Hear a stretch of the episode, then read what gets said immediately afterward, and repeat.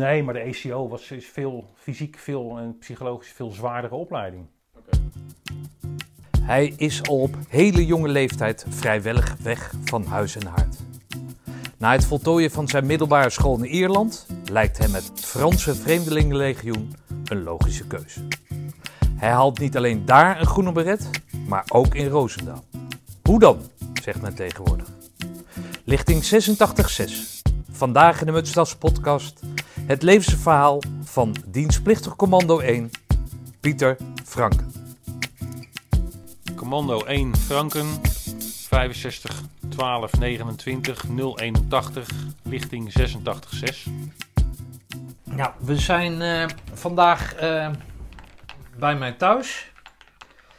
En tegenover zit, mij zit iemand van het ijstijgerpeloton. Nou heb ik laatst eh, Peter Oosterhaven heb ik, eh, geïnterviewd. Van eh 84-6.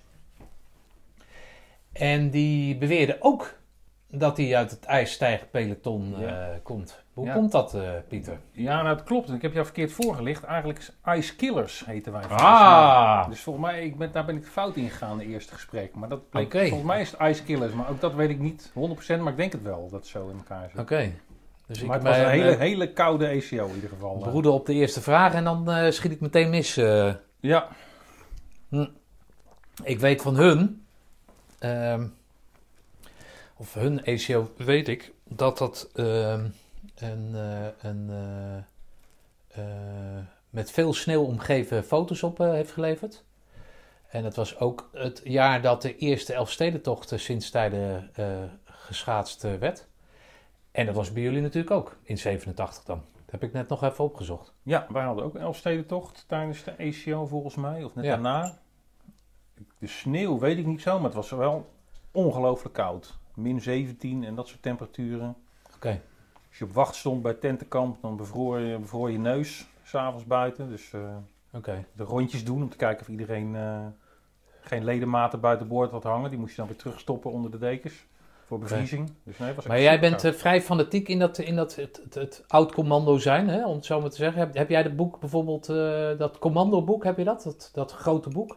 Ja, maar ik heb het nooit gelezen, denk ik. Oh, oké. Nee. Nee, Dus- maar daar staan van die staartjes in wat de warmste ECO was, wat de koudste ECO was. Jij weet dus ook niet Nee. wie jou, eh, of, jij in die, of jullie in die rijtjes voorkomen. Of wij het koudste waren, nee, dat weet ik niet. Hm. Nee. Was in ieder geval heel koud. Maar min 17, dat zijn wel, eh, wel temperaturen. Ja, ik kom zelf uit 82,6, dus ik heb in dezelfde periode ECO gedaan.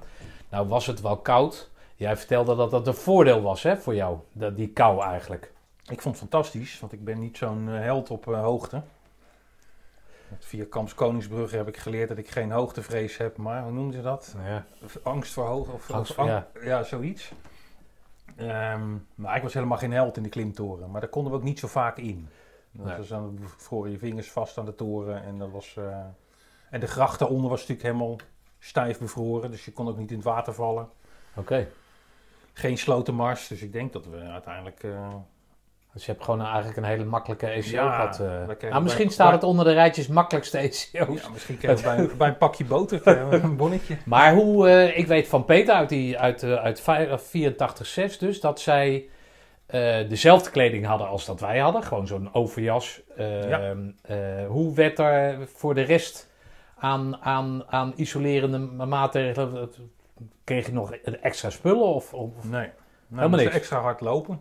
Maar Dat was de remedie. Denk ik denk het wel. Ja, ik weet nog wel dat voor iedereen, voor de militairen in Nederland, de buitenoefeningen allemaal waren stilgelegd. Dat mocht niet meer. Maar wij waren geen gewone militairen, werd ons verteld. Dus wij moesten gewoon doorgaan buiten. Dus dat, eh, oh, joh. ja. Maar ja, goed, de kou heeft ook voordelen. Hè. Ik denk minder blaren. eh, Minder blaren, want? ja, ik denk het wel. Warme voeten, eh, of koude Ja, voeten. Ja, dus ik denk dat het... Oké. hey, maar ehm, even bij het begin beginnen. Waarom wilde jij naar de, de, de Korps Commandotroepen? Waarom wilde ik naar het Korps Commandotroepen? Ehm nou ja, daar kunnen we straks- in het verhaal komen natuurlijk wel op terug. Ik heb natuurlijk daarvoor in de Vreemdelingenlegioen gezeten. Ja, ja ik stel de vraag verkeerd. Maar goed, ik- Ja. om, om het even kort eh, te maken. Ik eh, kwam daaruit en er lag nog een oproep voor dienst op de, op de deurmat. En daar stond dat ik was ingedeeld bij een panzerinfanteriebataljon ergens. Ik weet het niet. Ik kan me niet meer heugen. En Ja. in mijn eh jeugdig enthousiasme heb ik die brief omgedraaid en op de achterkant geschreven van... Dat vertik ik. Ik wil alleen bij het korps commandotroep en anders doe ik helemaal niks. Dan weiger ik dienst. En ik heb die brief retour afzender gestuurd. Oké. En een paar weken later kwam een brief dat ik was ingedeeld bij het korps commandotroepen. Ik wist eigenlijk niet zo goed wat dat was. Ehm, ik wist eigenlijk helemaal niet waar ik aan begon. Maar dat leek me... Ik had gehoord dat dat het beste onderdeel was van het Nederlandse leger. En ik dacht, nou, dat ga ik dan wel even doen. Ik heb in het legioen gezeten, dus ach, wat kan mij gebeuren? Dat zou ik Ja. wel even doen. En eh, zo Ja. vertrok, ik, vertrok ik naar Roosendaal. Oké, ja, we, we steken een soort half in, maar dat komt omdat wij dat voorgesprek hebben gehad. Jij stuurde mij een brief. Ik, ik verzoek op mijn site of mensen contact met mij willen opnemen eh, om hun verhaal eh, te delen. En ik kreeg dus een mail van jou binnen. En eh, eh, daar stond in vogelvlucht hoe jouw leven eruit had gezien. Laten we dan gewoon bij het begin beginnen. Pieter. Ja, Kom jij uit een gewoon gezin? Ja, ik kom wel uit een gewoon heel gewoon Hollands gezin, maar ik heb wel een eh, aparte opvoeding gehad. Ik ben als, eh, als kind naar kostschool geweest, eerst in België toen ik 11 was tot mijn 14e. En toen van mijn 14e tot mijn 18e heb ik in Ierland op kostschool gezeten. Dus dat is wel wat ongewoon. eh. Ja, nou heb ik je verteld dat ik twee vrienden heb die hebben ook op een internaat gezeten. Maar dat kwam omdat hun eh, ouders in het buitenland eh, vertoefden voor werk. Maar jouw ouders woonden gewoon in Nederland. Ja, die woonden gewoon in Nederland. Die hadden allebei op kostschool gezeten. En hadden dat als prettig ervaren. Als een goede, goede opvoeding zagen ze dat. En hadden besloten van eh, dat is misschien ook wel iets eh, voor onze kinderen. En eerst mijn oudste broer daar naartoe gegaan. Eigenlijk meer omdat het op school bij hem niet goed boterde. Is hij even voor een paar maanden naar kostschool gegaan in het buitenland om een taal te leren en even eruit te zijn.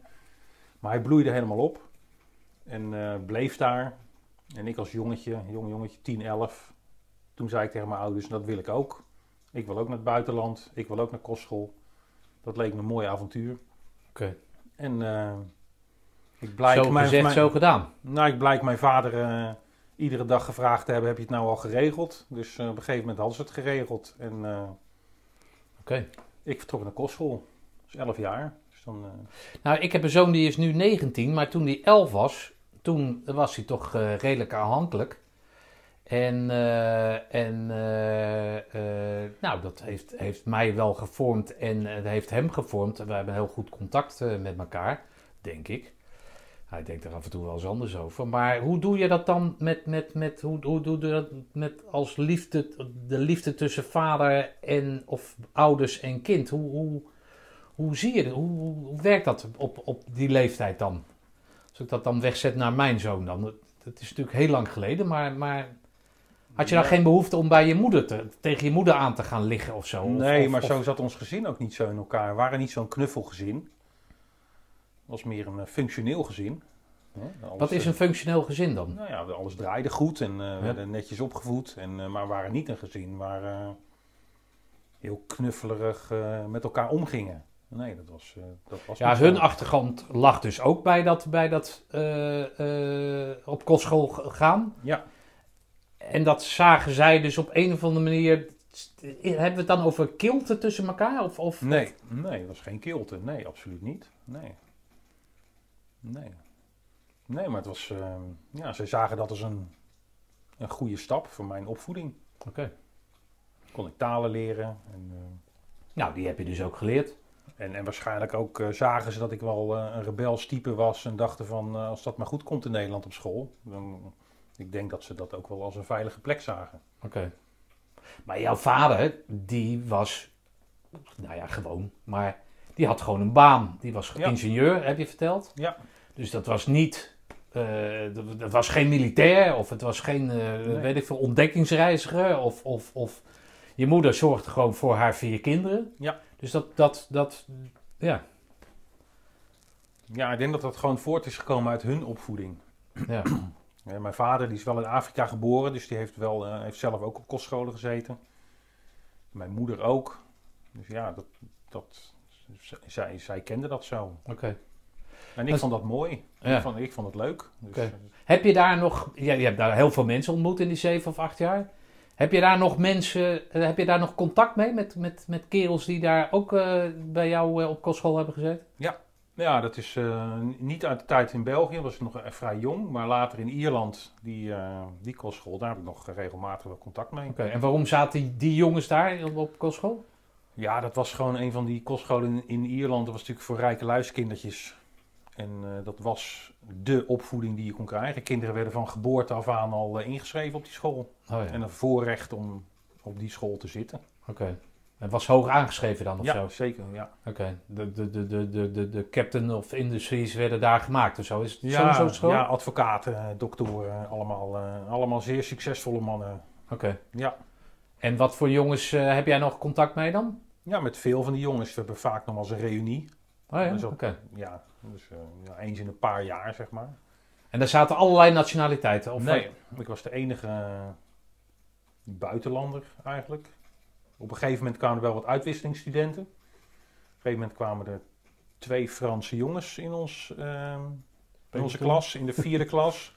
En een van die vaders was kolonel in het Vreemdelingenlegioen. En daar is natuurlijk de, het zaadje gezaaid. Dacht ik van, dat lijkt me nou helemaal eh, het toppunt van avontuur. Dus toen is dat zo, zo ontstaan.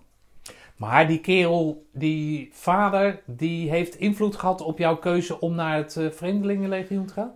Nou, ik heb hem nooit ontmoet. Oh, je hebt hem nooit ontmoet, maar, maar uit die- de verhalen of zo? Ja, Oké. ja, toen leerde ik wat dat was. En eh, ik heb eerst natuurlijk nog geprobeerd in Nederland. Ik wou, ehm, na mijn kostschooltijd heb ik me opgegeven voor officiersopleiding mariniers.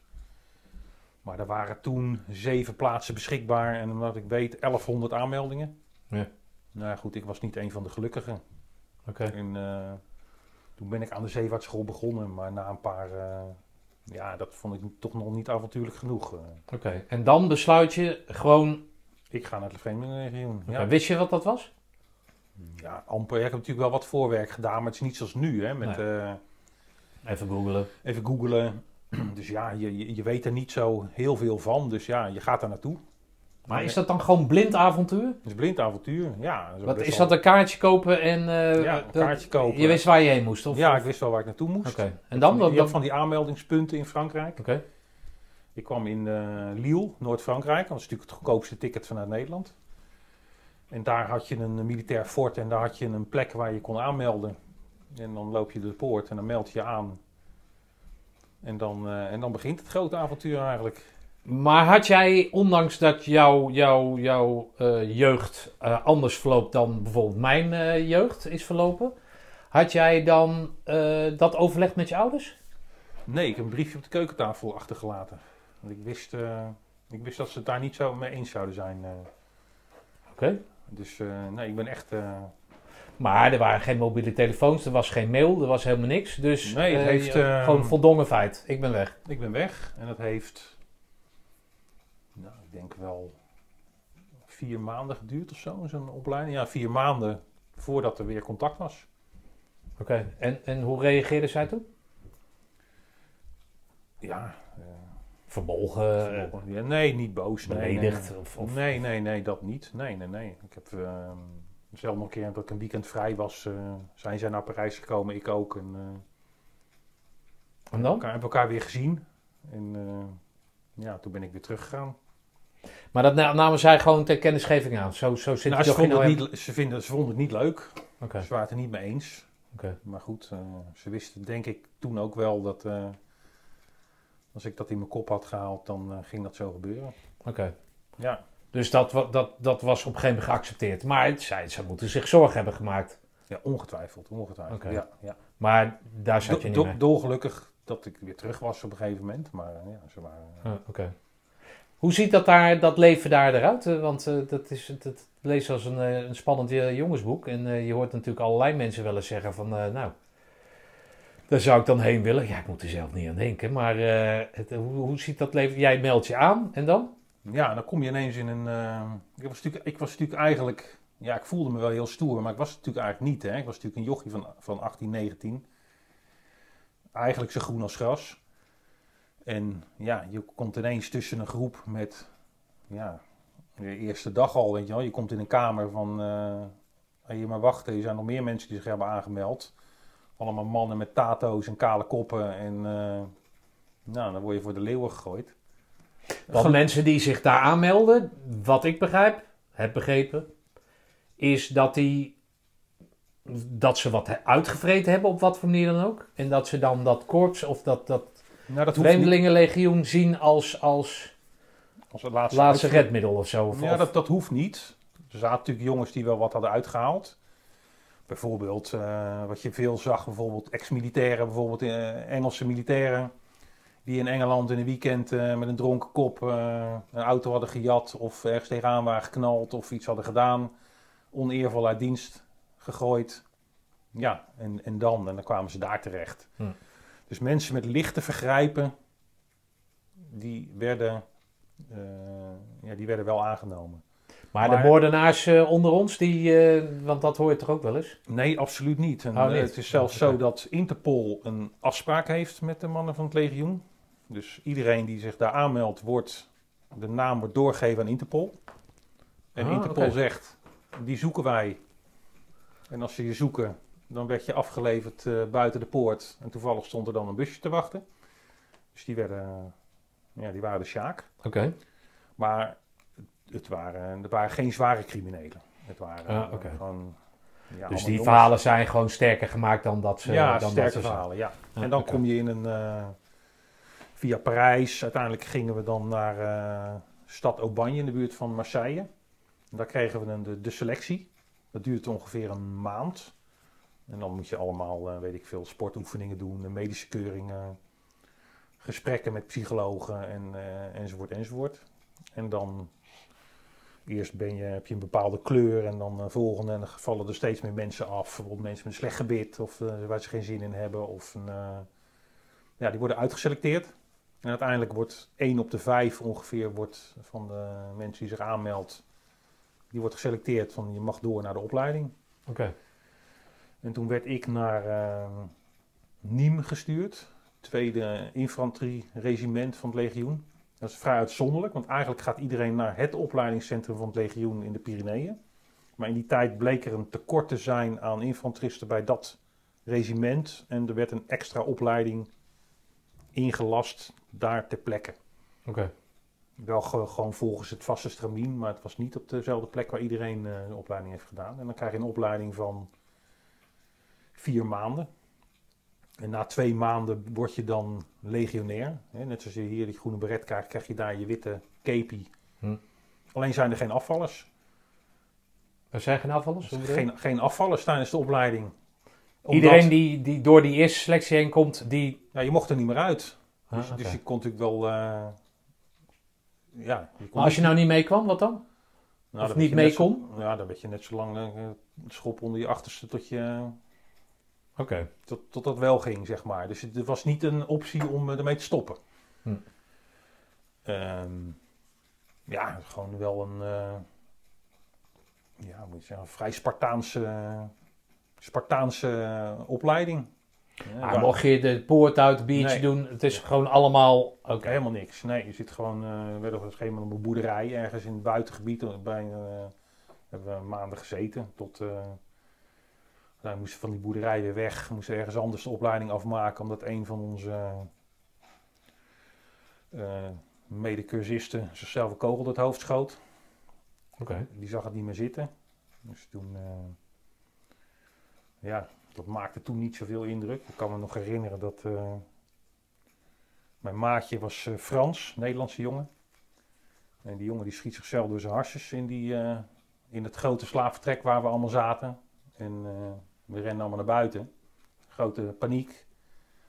Ik zei, hey Frans, volgens mij is de keuken onbewaakt. Ik zeg, zullen we even wat eten gaan snijden? dus ja, kan je nagaan hoe afgestomd je dan bent. Hè? Dat is het eerste, eerste waar, waar, waar, ik aan dacht. Dus wij hebben lekker onze maag vol gegeten. Frans ging over zijn nek op een gegeven moment. Die, uh, die haalde de beelden denk ik toch weer naar voren. Maar uh, Ja, dus dat was eh, ja, een Spartaanse, Spartaanse opleiding. Maar is dat dan leuk? Is dat dan, die voldoet het aan het avontuur wat jij nee, zocht? Nee, nee, nee, de opleiding is natuurlijk niet leuk. De opleiding is Ah. gewoon eindeloos eh, afgeknepen worden. En, eh, maar niet, op een, eh, niet zoals bij de commando's, zeg maar. Dat ging, was meer humor, zeg maar, bij eh Ja, oké. korpscommandotroepen. Hier zat gewoon ook echt wel, Gemeen was het. hier zat er echt wel gemeenheid in. Ja, ja, oké.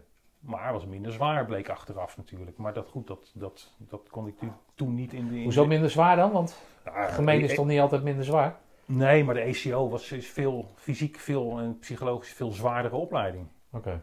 Ja, ik heb geen idee. Nee, nee, nee, veel zwaarder. Ja. Oké. Dit, was, dit was wel Spartaans en afmatten, en, eh, maar ja. Was het ieder voor zich of was het... Ja, meer. Was veel meer ieder voor zich. Veel meer ieder voor zich. Ja, je had natuurlijk wel je eigen maatjes, maar er werd onderling, eh, ja, werd ook wel gevochten. Oké. Ik heb ook wel echt moeten vechten, zeg maar, voor wat ik waard was. Hè? Want anders werd je, dan had je je plek niet. Oké. Maar als je er nu zo op terugkijkt, was dat dan een leuke periode? Of... Nee, nee, nee. Dat Oh, was, helemaal niet? Nee, die opleiding was niet leuk. Nee, Nee. Oké. Nee. Maar je, je wist wel waar je naartoe ging, want Ik dan... dacht, ja goed, dan uiteindelijk eh, word ik wel geplaatst. En, dan, eh, Oké. En dus uiteindelijk werd ik dus ook geplaatst bij dat eh, tweede infanterieregiment. En eh, ja, daar heb ik gewoon als legionair eh, de dienst gedaan. Oké. Uitzendingen of... of Nee, nee, nee. Er waren toen geen uitzendingen. Eén keer bijna. Allemaal op de appelplaats en allemaal een prik. En, maar toen ging dat niet door. Maar goed, wij werden ook niet geïnformeerd, zeg maar, over hoe of wat.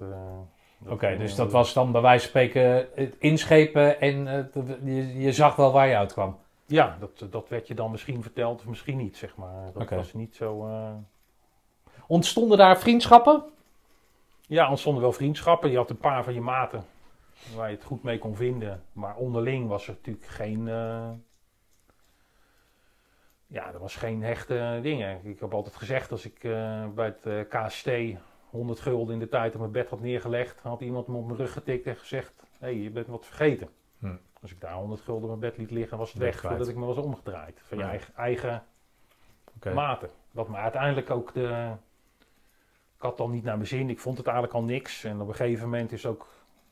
Nou, werd voor de zoveelste keer iets van mijn uitrusting gestolen. Slaapzak. En die kon ik dan terugkopen voor zes kratten bier bij de sergeant. Oh, ben je eigen sergeant? Ja, dan terugkopen. En toen heb ik gezegd: je bekijkt het maar. Ik doe niet meer mee. Maar ja, toen wist ik dat ik drie dagen cel voor de boeg had. Nou, echt ook weer Spartaans, echt in een cel. Echt water en brood bijna. En iedere dag eh, hardlopen met rugzak, met stenen en dat soort ongein. En toen dacht ik, nou, ik ben er klaar mee. En gelukkig was de avond voordat ik eh, het gesprek met die kapitein zou hebben, waar ik al wist, wel wist dat eruit ging komen, hadden ze vrijwilligers nodig. Die gingen kijken naar de band of de, de muziekkorps van het legioen in die stad Niem. Die zouden optreden. En niemand had daar zin in. En dan hadden ze vrijwilligers voor nodig. Ik heb gezegd, nou, ik ga wel. Ik denk, dan ben ik buiten die poort. En toen dacht ik, weet je wat, ik, eh, ik vind het best geweest. Ik ga er vandoor. En zo ben ik eh de benen genomen. Het was gewoon, eh, ja, het was ook niks. Het was niks. Maar, Het was onprofessioneel. Echt, echt tot, tot eh, ja, gewoon, er zat geen, er zat geen, geen goede structuur in, geen goede opleiding zat erachter. Het was echt gewoon, eh, Maar je, was dat vroeger dan wel zo, voordat jij er zat? Eh, ja, dat kan is dat ooit geweest of is het altijd een, een, een zootje geweest? Ik weet het niet, ik weet het Ah, niet. Maar het was gewoon, ja, het was gewoon de domheid zelf eigenlijk. Hm. Ja, het enige wat we de hele dag deden was marcheren. We moesten liedjes leren, zingen, aardappels schillen, vloeren, vloeren dweilen. Ehm, maar als je dan een eh, oefening had en er moest een kruispunt verkend worden met je sectie, dan en nummer 1 moest naar links, nummer 2 moest naar rechts en nummer 3 moest dekking geven. Ik zeg maar zo'n soort iets. Nou, dat kregen we gewoon niet voor elkaar. Ook niet na 20 keer oefenen, want we waren gewoon te dom om... eh, Oké. Maar toch was dat het, het, het, eh, hoe heet dat, wat, wat altijd van het legioen, of in ieder geval wat ik begrijp van het legioen, elite. elite. En als het, als het de spuigaten uitlopen, dan hebben we altijd die jongens nog achter de hand. En dan re- trekken we het even recht in welk land dan ook. Ja, kijk, waarschijnlijk als je tegen eh, opstandelingen in Afrika moet vechten, dan ben je waarschijnlijk wel beter. Maar nee, dat was, had een niveau van eh, drie keer niks. En misschien is dat per regiment verschillend. Je hebt nog wel binnen het legioen eh, bijvoorbeeld het tweede parachutistenregiment. Dat schijnt dan wel een elite. Misschien is het daar anders. Dat zou kunnen. Oké. Maar dit, eh, dit ging echt helemaal nergens over.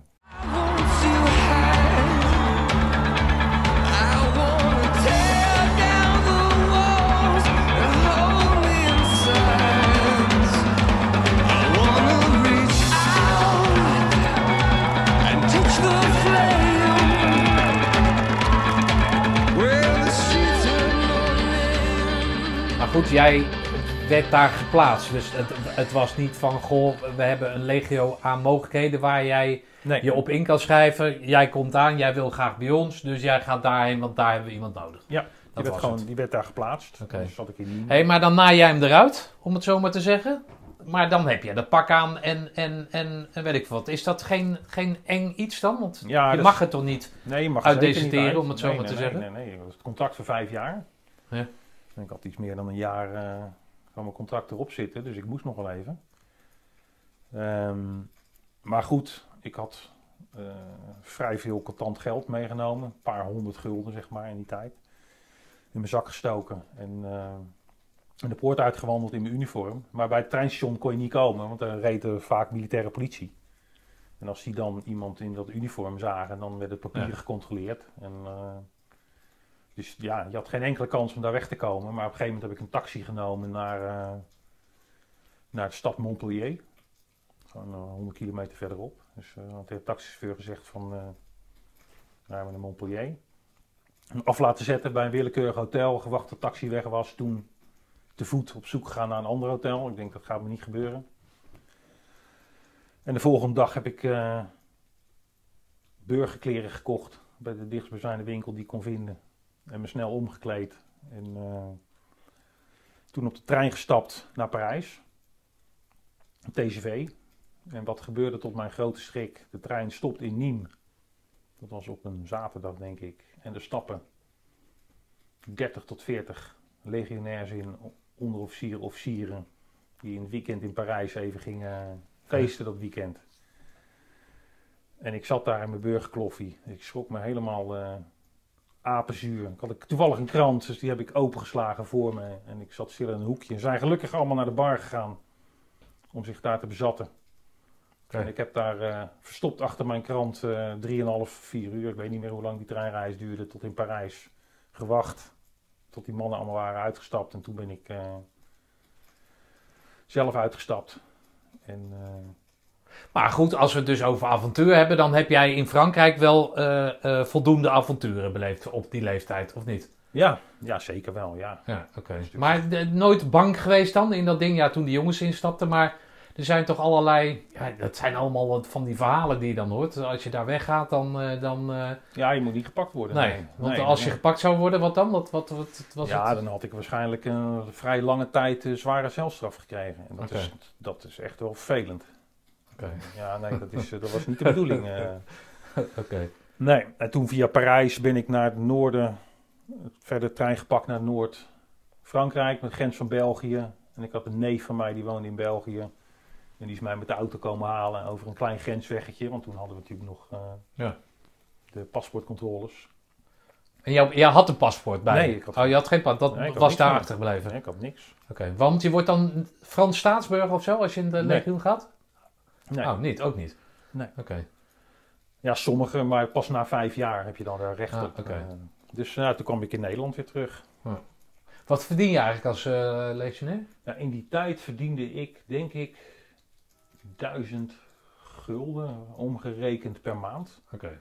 Beetje hetzelfde als wat je in dienst krijgt. Ja, ongeveer hetzelfde. Ik weet wel dat een lichting na mij het salaris gehalveerd was. Oh. Dus ik zat nog gelukkig op een of andere manier goed. Maar goed, heel lang heb ik er niet van kunnen genieten. Het meeste van mijn geld eh, is daar achtergebleven. Dus, eh. Oké, maar dan kom jij dus eh, thuis en dan bel je aan. Nou Wat ja, ze- mijn, mijn ouders wisten inmiddels dat ik zou komen natuurlijk. Ah, Oké, dat wisten maar jij ze, moet toch dus, aanbellen. Maar, maar, en wat zeggen, wat zeggen die dan weer? Ja, dolblij dat ik, Oh, wel. Oké. dat ik weer terug was in Nederland. Maar niet eh, gaan ze je zoeken, eh, moet je Ja, niet een nemen. Ja, ik, eh, was natuurlijk, ik wist natuurlijk nog helemaal niet wat er zou gebeuren. Nee. Hè, of ze hem in Nederland zouden gaan zoeken of niet. Maar goed, dat bleek al vrij snel dat het niet zo het geval was. Ja, en toen lag daar mijn dienstoproep nog. Oké. En wat ik vertelde, dat versterkt bij het Korps commandotroepen wil gaan. Ik dacht, nou, dat ga ik dan wel even doen. Hm. Ik had in Frankrijk wel met het infanterieregiment ook een commandoopleiding koud weer gedaan.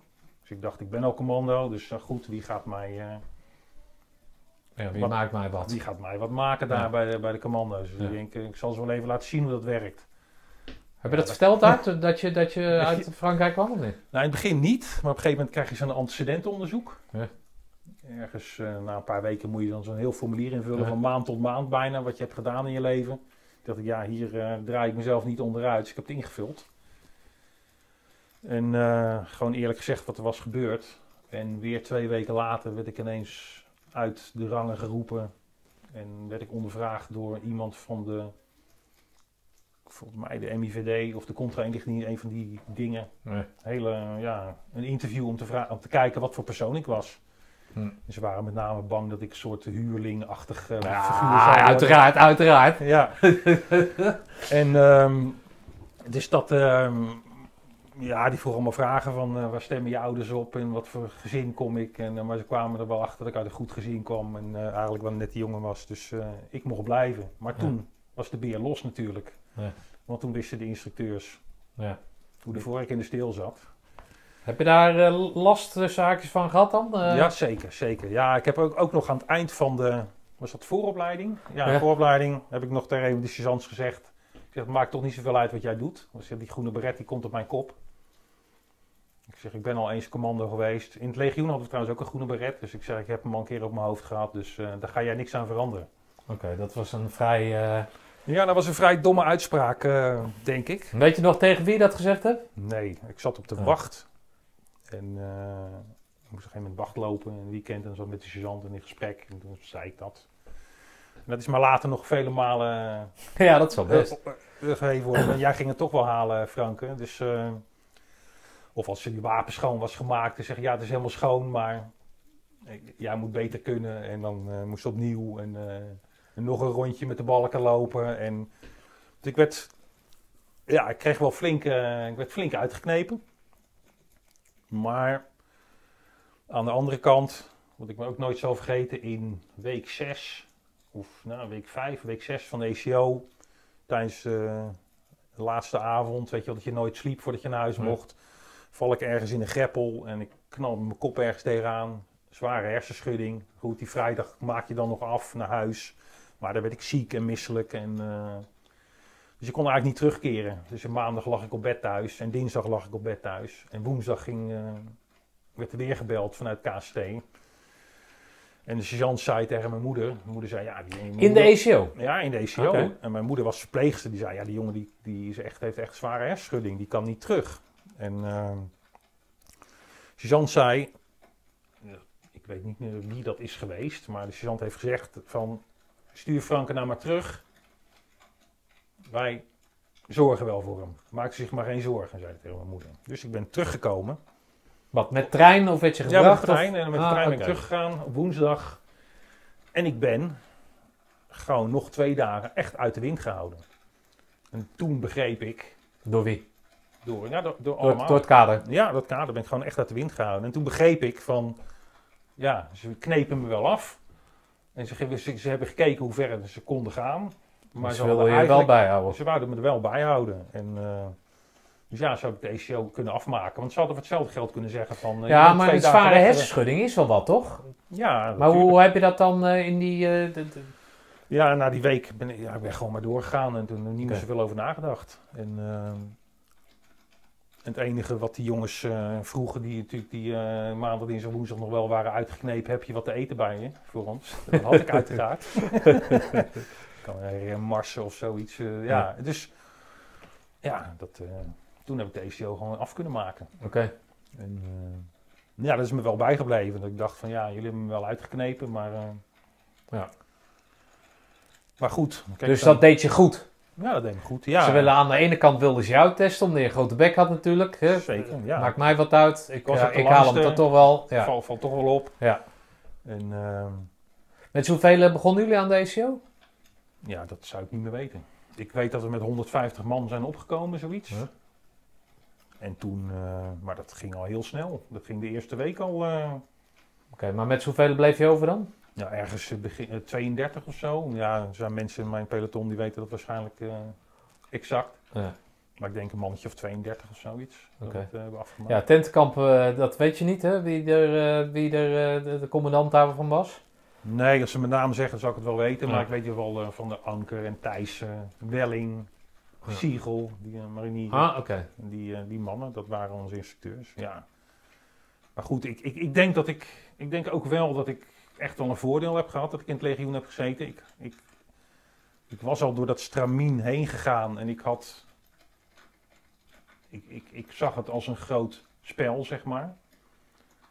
Waar ik gewoon doorheen moest zien te komen en gewoon moest doen wat er gezegd werd en, en, en, eh, Ja. en gewoon doen. En ik denk als ik dat niet had gedaan, dan weet ik niet of ik het gehaald had. Zoals alle andere jongens. Ja, Dat, dat, dat weet ik gewoon Ja, niet. nee. Maar ik weet zeker dat ik er voordeel bij heb gehad. Ik was natuurlijk ook fit. Ik kon goed. In die tijd kon ik gewoon echt wel, eh, echt wel stukken lopen. Dus al dat wandelen.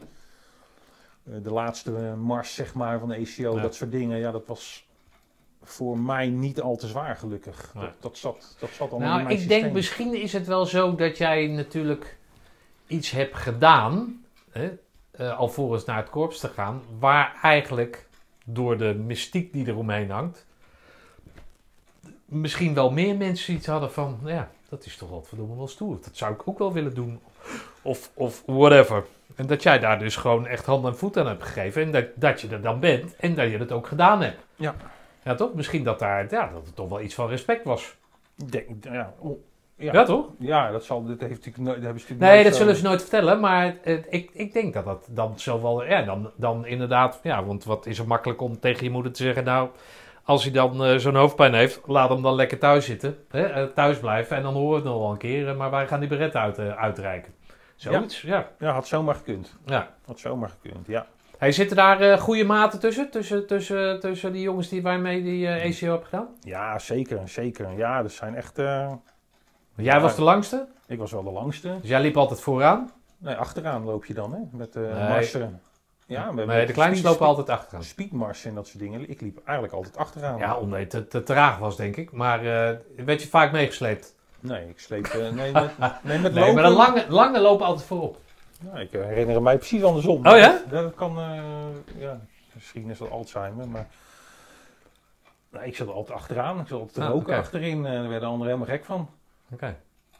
Ook ja, met lange marsen, weet je wel. Dan kon ik achteraan en onopgemerkt eh, even peukje doen tijdens de marsen en dat soort dingen. Dan, eh, ja, heerlijk. Ja. Maar daar zijn goede, goede vriendschappen uit ontstaan. Ja, het wat ik eerder al zei, het zijn geen eh, dag-tot-dag vrienden. Maar het zijn echt wel hele, ja, het zijn gewoon echt goede gasten. Hm. Echt goede gasten. Dus die, zo'n selectie, die uiteindelijk van wat er overblijft, ja, dat zegt wel iets. Hm. Vind ik. Het zijn echt, echt goede gasten. Het zijn denk ik, Zijn dat mensen die jij, als jij eh, het even niet meer ziet zitten, dat je die dan even raadpleegt, even een belletje doet? Of, of... Nee, zulke vriendschappen zijn het Nee? niet. Nee, maar ik denk dat als ik daarom zou vragen, dat geen twijfel over mogelijk. Hm. Dat ze dat zouden doen.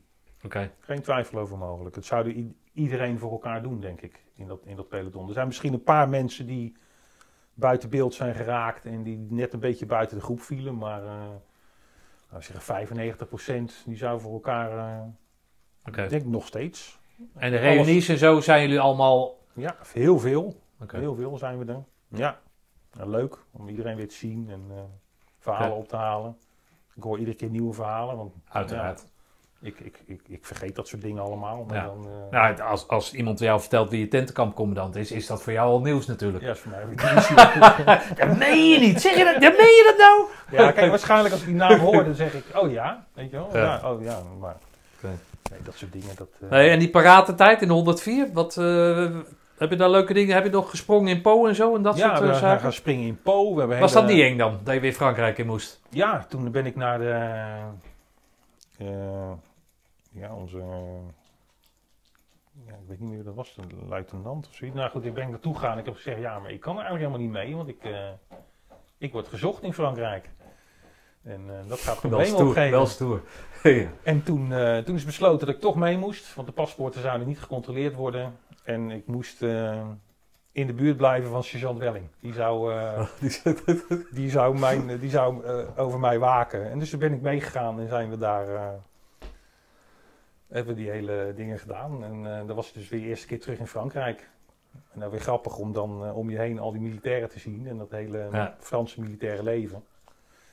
En eh, ja, dat is wel grappig. Oké. Oefeningen? Ja, allerlei oefeningen gedraaid.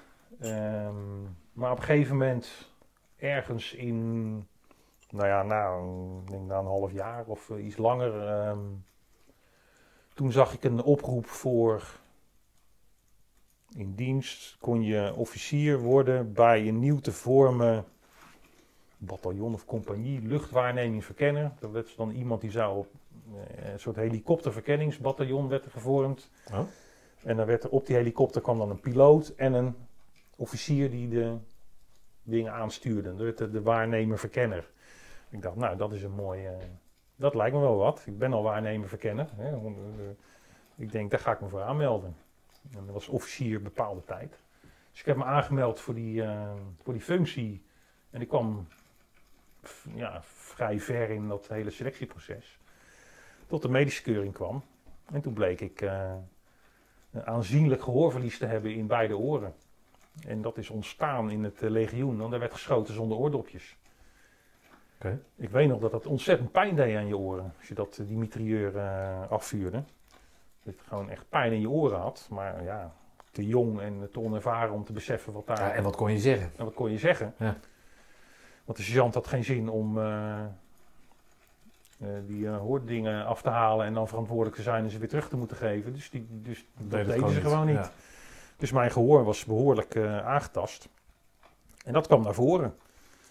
Dus ze zeiden ze, ja, sorry, maar dit eh, gaat niet gebeuren. Oh, wat zonde, joh. Ja, dat was heel erg zonde, want ik had echt... eh, Maar had je dan eerst je diensttijd moeten volmaken en dan? Of had je al ten tijde van je diensttijd al Ja, in dat ik, nieuwe eh, ding? ja, dan was- zou ik geswitcht zijn. Oh joh. Of ik had me misschien wel eh, nog een keer wel willen, eh, willen aanmelden bij officiersopleiding, bij KMA.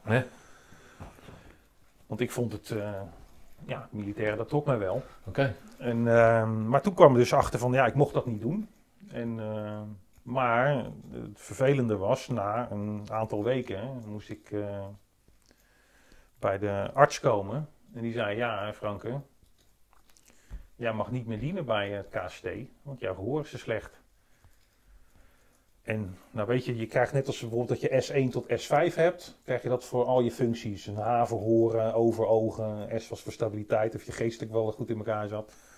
En hij zegt, ik heb hier twee rapporten, een H2 en een H5. Hij zegt, een H5 is dat je, keuren ze je gelijk helemaal af, en dan moet je herkeurd worden. En dan kwam een H2 uit, dus gehoorverlies, maar niet eh, doof zeg maar. Hij zegt maar, door toeval heb ik ze allebei hier liggen. Hij zegt, welke wil je dat ik eh, hou? En dat was een jonge arts, ik denk een eh, dienstplichtig arts. Iets ouder, wat wijzer. En zei, Pieter, wat ga jij doen na je eh, diensttijd? Want ja, ik zeg, ja, ik denk dat ik wel weer wil, eh ga maar weer studeren. Hij zegt, ja, het studiejaar gaat bijna beginnen. Ik adviseer je die H5 te nemen. Ik zeg, want je kan wel met die H2 verder. En dan word je geplaatst bij panzerinfanterie eh, van Heuts of iets dergelijks. Of, eh, Als beroep zijnde. Want je Nee, wilde nou, beroepsorde nee, of zo. nee, ik moest mijn dienst Oh. nog afmaken. Vanwege je gehoor moest je naar een andere... andere... Moest, moest andere functie, Ja, of ik werd eh, administratie gestuurd. Oh. Ik zei, ja, daar heb ik echt geen zin in. Ik zeg, ik wil mijn diensttijd wel mooi afmaken bij het KST, maar niet dat ik administratie moet gaan doen. Hij zei, ik adviseer je die H5-rapport te nemen. Hij zegt, dan sta je over twee weken buiten. Zegt, kan je aan je studie gaan beginnen. En, Dus eh, dat was ergens in augustus of zo? ja, Ju- juli, augustus. Zoiets, ja, weet niet meer precies. En eh, ik zeg, doe, die- ja, doe, doe dan maar. En eh, hij leek me verstandig en wijs. En het klonk ook wel aannemelijk. Hij zegt, ja, je kan die wel tot het eind van het jaar je dienst gaan afmaken. Maar ik zeg, dan moet je nog een half jaar wachten. Ja. Dan ben je weer een jaar kwijt. Nou, Dus zo gezegd, zo eh, gedaan. Hij pakt het H2-rapport, scheurt het door midden, gooit in de prullenbak. En eh, Twee weken Nou, later twee weken later eh was ik spullen inleveren en dat was klaar. Dus ik ben voortijdig eh, ben ik, ben ik 104 verlaten. Oké, dus dat is echt wel vier maanden eerder. Ja, zoiets. Best, best wel, ja. Dus het was een hele... Ja, we hebben wel een groot afscheidsfeest en lachen, gieren, brullen. En, maar goed, dat was... Vond het jammer of wel wat? Ja, tuurlijk vond ik het jammer. Ja, maar ik had, ook- ik had niet zo'n zin om zinloos mijn tijd af te maken. En mijn droom van in, bij Defensie blijven, dat was... Door die gehoorstoornis Ja, was dat je in één keer weg natuurlijk. Ja, misschien had ik wel iets anders kunnen doen. eh, beroeps kunnen worden als eh Afluisteraar. of zo. Maar eh nou, afluisteren zou ik niet eens kunnen. dus, ja, weet je. ik, dus ja, dat was het einde van, van mijn militaire, militaire carrière. Ja, en toen, toen ben ik naar de zeewaartschool gegaan. Hm. Daar was ik ooit aan begonnen, een paar maanden eh, voordat ik naar Frankrijk ging. En eh, dan heb ik weer opgepakt.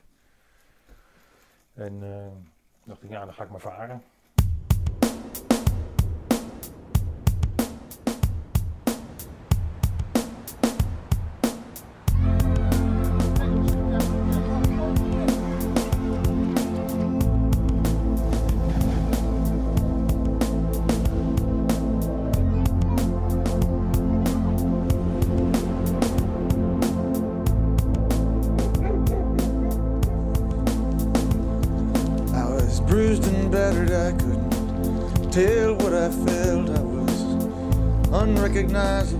Zeevaartschool niet afgemaakt in eerste instantie.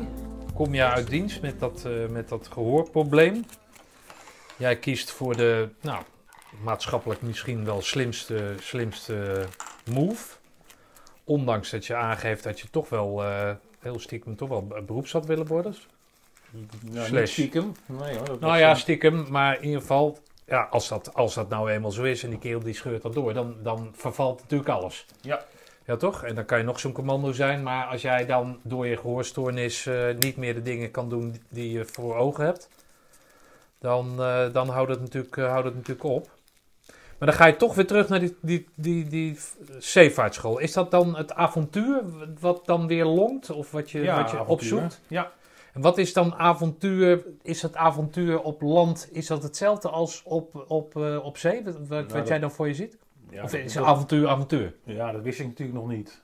Kijk, en dat is natuurlijk een andere tijd. Hè? Want toen, als je wou reizen, dan ging je of bij de marine of iets anders. Maar het was niet zo dat men de hele wereld overvloog toen met goedkope vluchten. En Nee, nee, tuurlijk. dat, dat, dat- als je wou reizen, dan, eh, ja, dan had je zo'n soort beroep. Oké. En, en dat trok mij. Ik, eh, dat zag ik wel zitten, de, de wereld overvaren. Oké. En ik had gehoord dat de radioofficier aan boord, dat was de clown. En als je in de haven kwam, mocht hij niet uitzenden, want dan verstoorde je het lokale radioverkeer. Dus die ging op stap en feesten. En ik denk, dat is mijn, eh, die baan. En dan ben jij verantwoordelijk voor de communicatie. ja, en de elektronica aan boord, dus het repareren van, eh, je bent een soort elektricien, eh, radiooperator. Oké, en daar word je voor opgeleid op die zeevaartschool. Ja, en dat was een beetje de vrije rol aan boord. Dus ik denk, dat, dat lag mij wel. Ik denk een beetje... eh, Clown staat dat je dan wel officier bent, maar dat je ook een van de mannen bent of zo. Of, of, wat, wat, Nee, maar dat je gewoon niet zo'n eh, rigide functie hebt. En eh, als, je, als je ergens aanmeert om eh, te laden, dan Ja. kan jij van boord af. Oké. Dan kan jij gaan feesten. En, eh, dus ik dacht, nou, dat lijkt me een goede... Ja. Hey, en wat, wat, ja, dat integreert mij dan altijd, maar wat, wat vinden je ouders dan eh, van zo'n keus? Ja, blij dat ik weer eh, een opleiding ging doen natuurlijk. Want ja, die hadden wel wat meer eh, voor ogen met mij toen ze naar kostschool stuurden dan... eh, Ja, oké. ja, die hadden wel gehoopt dat ik ergens goed uit zou komen. Maar goed, ik heb toen een jaar op het internaat van de zeevaartschool gezeten. Dat zit in? Amsterdam. Oké. Dat heette de Kweekschool voor de Zeevaart. Dat was een internaat, uniform weer. En, maar goed, na een jaar, eh, toen zat ik inmiddels wel, eh denk tien of elf jaar in eh, geïnstitutionaliseerd leven. Kostscholen, Ja. leger, toen een zeevaartschool. En toen- toen was ik in Amsterdam. Toen dacht ik, het lijkt me beter als ik eh, op kamers ga hier. Met een paar mannen op een woonboot gaan wonen. Ja, wat ik zei, dat is net een stuk eh, ijzer wat je één kant op buigt. Tien jaar lang. Als je het dan loslaat, dan zwiept dat door naar de andere kant. Dus dat ontspoorde natuurlijk volledig. eh. Maar je zat dan wel op school? Ja, maar dat liep op een gegeven moment natuurlijk helemaal mis. Oké. Want ik had eh, veel te druk met eh, andere werk. Ik, werd, eh, ik had inmiddels een baantje, bijbaantje gevonden als uitsmijter bij de Bananenbar. De Satanskerk in die tijd. Ja. stond ik voor de deur mensen naar binnen te halen, mensen naar buiten te gooien. Daar verdien ik veel Ben je geld. vechtersbaas? Nee, nee, niet. Ik ben eigenlijk altijd bang geweest, maar ik ben lang. Dus ja, dan... Nou ja, bij de Bananenbar, ik ben er niet zo vaak geweest, maar daar gebeurde er wel het een en ander, toch?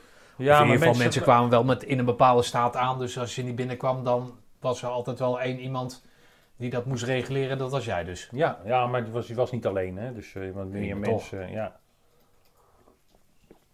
Maar goed, je, omdat je daar staat, zijn mensen eigenlijk al bang van je. Dus dat helpt. Want zo'n vechtersbaas ben ik niet uiteindelijk. En ja, en toen later ben ik in een kroeg gaan werken. Op de Wallen. En eh, nou goed, toen ging mijn studie eh, verzanden. Ik was meer bezig met geld verdienen daar in die eh contraien van de Wallen in Amsterdam. En toen kwam op een gegeven moment toch het besef van jongen, zou je niet eens, eh, zou niet eens wat beters met je, met je leven gaan doen. Ik denk dat dan je opvoeding toch boven komt drijven. En toen hoorde ik via een jongen die van school, een vriend, eh, die zei joh, bij dat en dat bedrijf hebben ze techneuten nodig om eh, op zee eh, sonarapparatuur te bedienen, meetapparatuur te bedienen. En eh, ik ben daar gaan solliciteren en eh, het klikte heel goed met die kerel en eh, ik werd aangenomen. Toen- Maar die school, die was helemaal, die Ja, heb je gewoon... eh, dat, is, dat is helemaal niks geworden. Oké. Nee, dat werd niks. En, eh, nee, ik was alleen maar met. eh, was alleen maar Ja, weet ik veel. Ik weet niet hoe je, hoe je leert. Misschien dat je dat tussendoor nog even deed. Of, eh, Alleen maar aan het feesten en Ah, eh, geld verdienen en eh, Amsterdam aan, eh, aan het ontdekken. ook avontuur. Ook een avontuur, fantastisch. En eh, zeker op de ballen. Ook, Ja. dat Dus jij was één van, van de... Van, ja, hoorde bij die gemeenschap. Ja, ja. Zeker als uitsmijter, toch? Ja, en later was ik bedrijfsleider van twee cafés. En ja, goed, en altijd s'nachts werken tot drie uur in de wallen. En dan kom je in dat circuit. En Ja. toen dacht ik ook op een gegeven moment, dit, dit moet ik niet. Had je wel een hang daarna, naar, de, naar, de, naar de, de, de, de andere kant? Ja, ik vond het wel leuk natuurlijk. Maar je merkt dat je toch per dag zeg maar een centimeter afglijdt. En na verloop van tijd zou je gewoon te ver afglijden. En toen kwam bij mij het besef van, Oké. ga eens wat fatsoenlijks doen. Hm. Want dit wordt helemaal niks. Oké, maar je hebt er wel van genoten. Tuurlijk heb ik ervan Oké. genoten. Ja, vond een mooie tijd. Veel geld verdiend? Ja, maar allemaal opgesopen en eh, gefeest. En, Ja. ja. ja. Nou, daar heb ik geen euro aan overgehouden. Nee, oké. Nou ja, levenservaring toch, beetje denk ik. Ja, ik weet nog, ja. Dat lijkt mij zo. Oké. Ja, zeker, zeker. Dus dan ga je naar een, een, een, nou niet geregeld leven natuurlijk, want het is veelal weg. Dan denk ik, of niet? Wat, wat, Ja, ik was veel op zee. Ik werd, ehm, ja, ik was techneut, dus ik bediende sonarapparatuur aan boord van schepen om eh, pijpleidingen op te sporen. Had je daar verstand van dan? Nee, maar dat heb ik mezelf. eh, ik had natuurlijk die, wel die elektronica-achtergrond van de zeevaartschool. Ja. En ehm, ja, ik heb mezelf gewoon eh, eigen gemaakt. Ik heb veel zelfstudie zitten doen om, om, om, om, om, om dat goed te kunnen doen. Dus, eh, in de drie maanden voordat ik werd aangenomen, had ik gevraagd of ik alle boeken mee mocht nemen. Die had ik helemaal uit mijn hoofd geleerd. En eh, ja, dus ik kwam eh, goed voorbereid eh ten tonele. En, ja. Oké. Is dat avontuur dan? Want dan zit je veel op zee. Dat is toch Nou, niet heel eigenlijk veel niet zo avontuur? heel veel avontuur, want op een gegeven Ah. moment was het zes uur op, zes uur af. Een wacht van zes uur draaien en dan weer zes uur slapen, zes uur werken, zes uur slapen. En dat gaat dan weken achter elkaar door. Pijpleidingen zoeken, op sporen in kaart brengen, booreilanden op hun plek leggen. eh, dat, soort, dat soort werkzaamheden. En na tien jaar dacht ik van ja, het wordt toch eens tijd om... eh, Ja, hoe ziet, hoe ziet zo'n sociaal leven er dan uit als je tien jaar zes uur op zes uur af doet? Nou ja, goed, tussendoor ben je natuurlijk wel aan de wal. Maar het was altijd onregelmatig. Ik kan me nog herinneren, helemaal in het begin kwam ik op kantoor en zei ze, heb je paspoort bij je? Ik zei, nee. Dan gaan we weer terug naar huis. Het paspoort maar en pak je tas. Voor twee weken. Want je moet, eh, je moet direct offshore, een spoedklus. En dan kwam ik thuis en mijn vriendin zat toen nog op school. Ja, we hadden geen mobiel en eh, dat was er allemaal niet. Dus een briefje achtergelaten. Ik ben twee weken weg en vervolgens ben je dan zes weken weg. Hm. Weet je dan zit je ergens in Nigeria of in eh, dat soort oorden of op de Noordzee. En dan, Oh, je had toen een relatie. ja, een relatie, ja. Oké. Ja, die heb ik eh, leren kennen tijdens de vooropleiding. In Roosendaal. Nou, nee, niet in Roosendaal, maar via mijn vriendenkring eh, thuis. eh, maar tijdens de vooropleiding heb ik haar leren Ah, kennen. En, eh, Want waar kom jij eigenlijk vandaan? Waar, waar, waar woonde je? Rotterdam, Capelle aan de Oh, IJssel. ah, ja. En, eh, dat was niet zo handig, want in de ECO eh, werden we echt verliefd.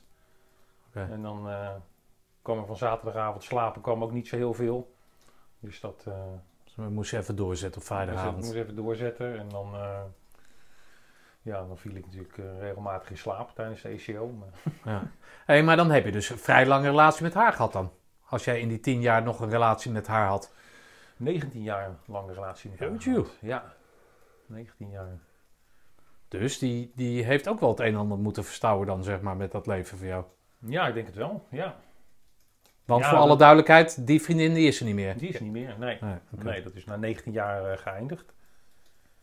En, eh, Want? Ja, ik weet Ja. wel waarom, maar... Want? Nou, dat kwam eigenlijk omdat zij eh, psychisch heel veel problemen had. Altijd heeft gehad. En ik was eigenlijk altijd bang om haar te verlaten. Omdat ik dacht van, die gaat zichzelf iets aandoen. Of ik voelde Ja, me verantwoordelijk. Maar Hm. eigenlijk wou ik daarvan af. Ik wou, ja, ik wou meer in het leven. Hm. En, eh, dus dat is uiteindelijk op de klippen gelopen. En, eh, ja, een week daarna heb ik mijn huidige vrou- vrouw ontmoet. Dus eh, zo snel gaat dat. Dus lang, eh, Lang over nadenken heb je niet gedaan. en eh, lang single ben ik ook niet geweest eigenlijk. Nee. Maar goed, die tien jaar. Veel geld verdiend mag ik aannemen. Als je voor twee weken weggaat, blijft zes weken weg, dan zit daar toch een stukje gevaargeld of, of buitenland toelagen. Of, ja, er of zitten wat. altijd toelagen bij. Dus ik heb altijd, ik heb altijd heel goed geld verdiend inderdaad. Ja. Ja, oké. En dan ben je klaar ermee, met dat, met dat leven. Ja, toen was ik denk ik eh, ergens in de 30 en ik weet nog dat ik een kerel van 40, dat vond ik toen oud, eh, als collega had. En ik weet nog dat ik op een dag naar hem keek en dacht ik, shit, als ik niks verander aan mijn leven, dan, dan word ik zoals hij. Ik moet, hier moet ik iets aan gaan veranderen. Toen heb ik eh, besloten van, eh, weet je wat, ik ga weer, eh, ik ga weer wat leren. Dus toen ben ik weer een... Jij leert makkelijk dus. ja, ik vond het wel leuk om te leren. En Ja, ik heb een, toen ben ik een post-HBO-opleiding gaan doen. Nou, ook, ook in hetzelfde soort werkveld. Ehm, ja, ik had geen HBO, maar ik heb toch een post-HBO gedaan. Oké. En ehm, dat kon. En, ehm, dus toen ben ik daar meer in gaan werken. Toen ben ik veel in de luchtfotografie gaan werken. Ehm, de aarde zeg maar in kaart brengen, maar vanuit de lucht, vanuit helikopters, vliegtuigen. En daar kreeg ik eh, allemaal meer een commerciële rol. En dan heb ik Dat kwam eigenlijk voort uit die eerste sollicitatie Ja. naar, naar die functie in, eh, in, eh, tijdens je militaire dienst. Dit was een vervolg daarop, een Ja. logisch vervolg, Ja. laat het zo zeggen. Ja. Oké, wat, wat boeit jou daar zo in dan? Ja, wat boeit me daarin? Ik, ik vond het een leuk vak. Je moet veel reizen. Ja. En op een gegeven moment word je er goed in. Je, dan heb je de verstand van de materie. En dan, eh, ja, dan blijf je daar zeg maar in hangen.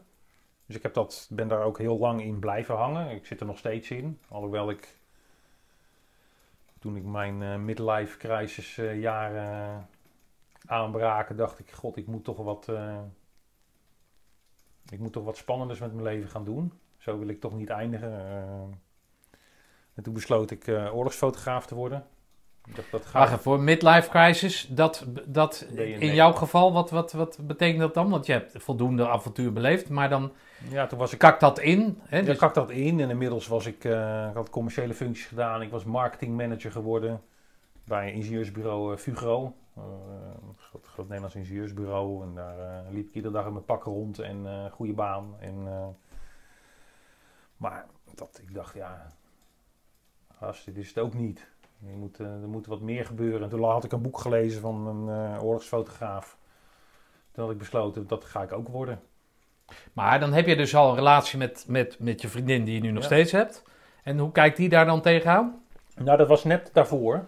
Dus Oh. toen ben ik een opleiding eh, fotografie gaan volgen. Dat kwam ook eigenlijk omdat mijn ex-vriendin toen ook die opleiding deed. Toen dacht ik, oh, dat lijkt me ook wel leuk. Toen ben ik die opleiding gaan doen.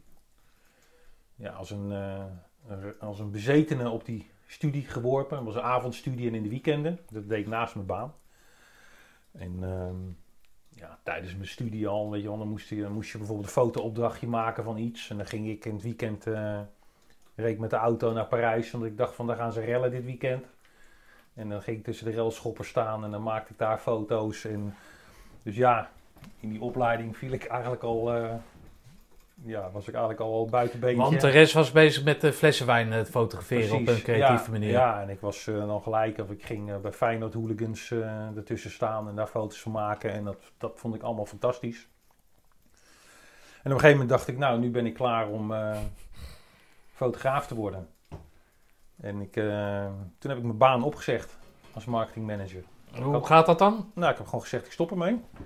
Dus natuurlijk knipt eh, à la prins, eh, weet hij ook weer, Klaus, knip je je das en dan zegt Ja. van, dit, dit is het geweest mannen, ik, eh ik, eh, naar hem eruit. Ja, en ik had nog helemaal niet eh, gedacht hoe ga ik dat invullen. Toen had ik gehoord ANP, daar werken de Nederlands persbureau, daar werken allemaal goede fotografen. Dus ik ben naartoe gegaan. Ik had de naam van iemand. En eh, afspraak mee gemaakt. En ik heb gezegd, ja, ik wil hier eh, komen werken. Toen zei ze, ja, maar eh, Pieter, dit, eh, bij het ANP werken alleen fotografen met eh 10, 15 jaar ervaring. Dat is de top van de Nederlandse fotografen. Dat, is, eh, dat kan helemaal niet. Ik zeg, ja, maar ik zeg, ik ga hier pas weg als ik een baan heb. Dan, dan weet je dat. Ik zeg, ik kom hier Dus werken. hetzelfde als wat bij dat wachtlokaal gebeurde, gebeurde daar, het liet je Ja. weer...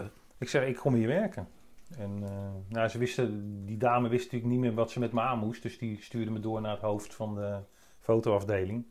Keren van mijn leeftijd. En die zat mij aan te horen en die zegt, ja... Ik zeg, nou weet je wat we doen? Ik zeg, dan kom ik gratis werken. Ik had geld genoeg. Ik zeg, ik kom maar gratis werken. Je wil het vak zo leren. Ik kom bij jullie werken. En na verloop van tijd zei hij van, weet je wat we gaan doen? in dat gesprek. Hij zei, dit heb ik nog nooit meegemaakt, maar je mag hier zes maanden komen werken, wordt betaald en dan stopt het. Dus ik heb zes maanden lang ben ik eh, bij het ANP eh, rondgerend. Echt een fantastische, ik vond het een fantastische baan. Moest wel wennen. Ik was eerst manager en ineens was ik de jongste bediende eh, onder, onder de fotografen. Weet je, nog, de eerste dag daar gingen ze vergaderen. En ik pakte gelijk mijn spullen, want iedere vergadering, daar zat ik normaal bij. Nee, dat is niet voor jou bedoeld. Oh nee, dat is waar. En ja, daar heb ik een hele leuke tijd gehad. Een leuke instructeur gehad. Of een jongen die mij dan eh, begeleidde. Ja. En, eh, maar na zes maanden hield dat op. Toen heb ik nog een keer geprobeerd. Ik zeg, ja, maar ik wil hier blijven. Nou, dat, dat kon echt niet. Maar heb je er in binnen die zes maanden dan ook daadwerkelijk, nou ik weet niet hoe je dat noemt, uitzending of, of nee, nee, nee. Geen, reportage gegaan? Of, eh, nee, of nee. hoe Ik noem heb je dat? echt, echt in Nederland allemaal foto's maken. Ja. En echt, echt het vak geleerd. Van Oh, dat was nog het opleidingsding. Ja, Ja, zo, ja. zo zag ik het.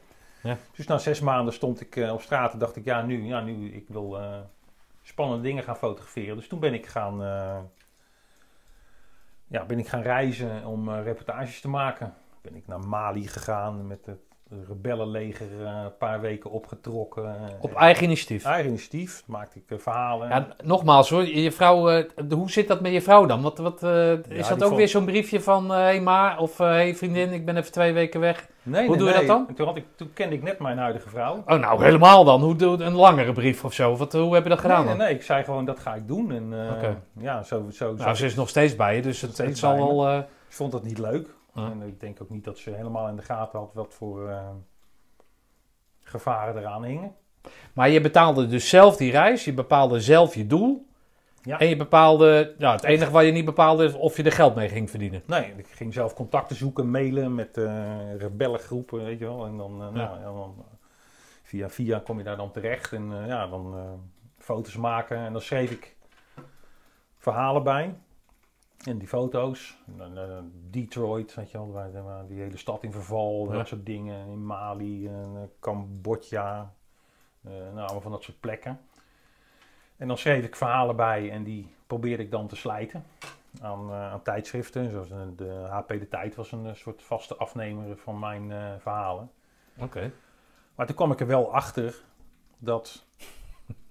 Waar kwam je achter, Pieter? Ja, waar kwam ik achter?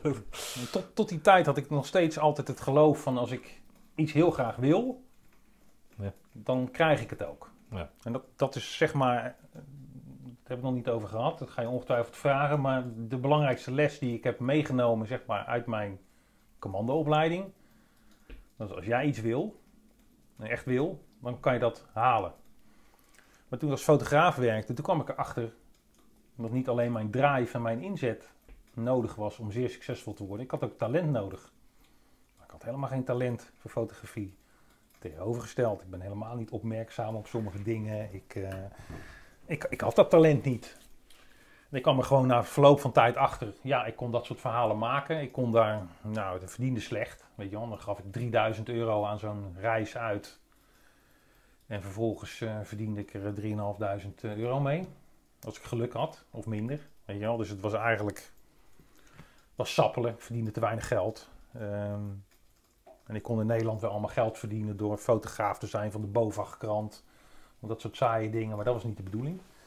En ik merkte gewoon, ja, als ik echt de top had willen bereiken, dan had ik gewoon talent nodig. Maar ik had helemaal geen talent.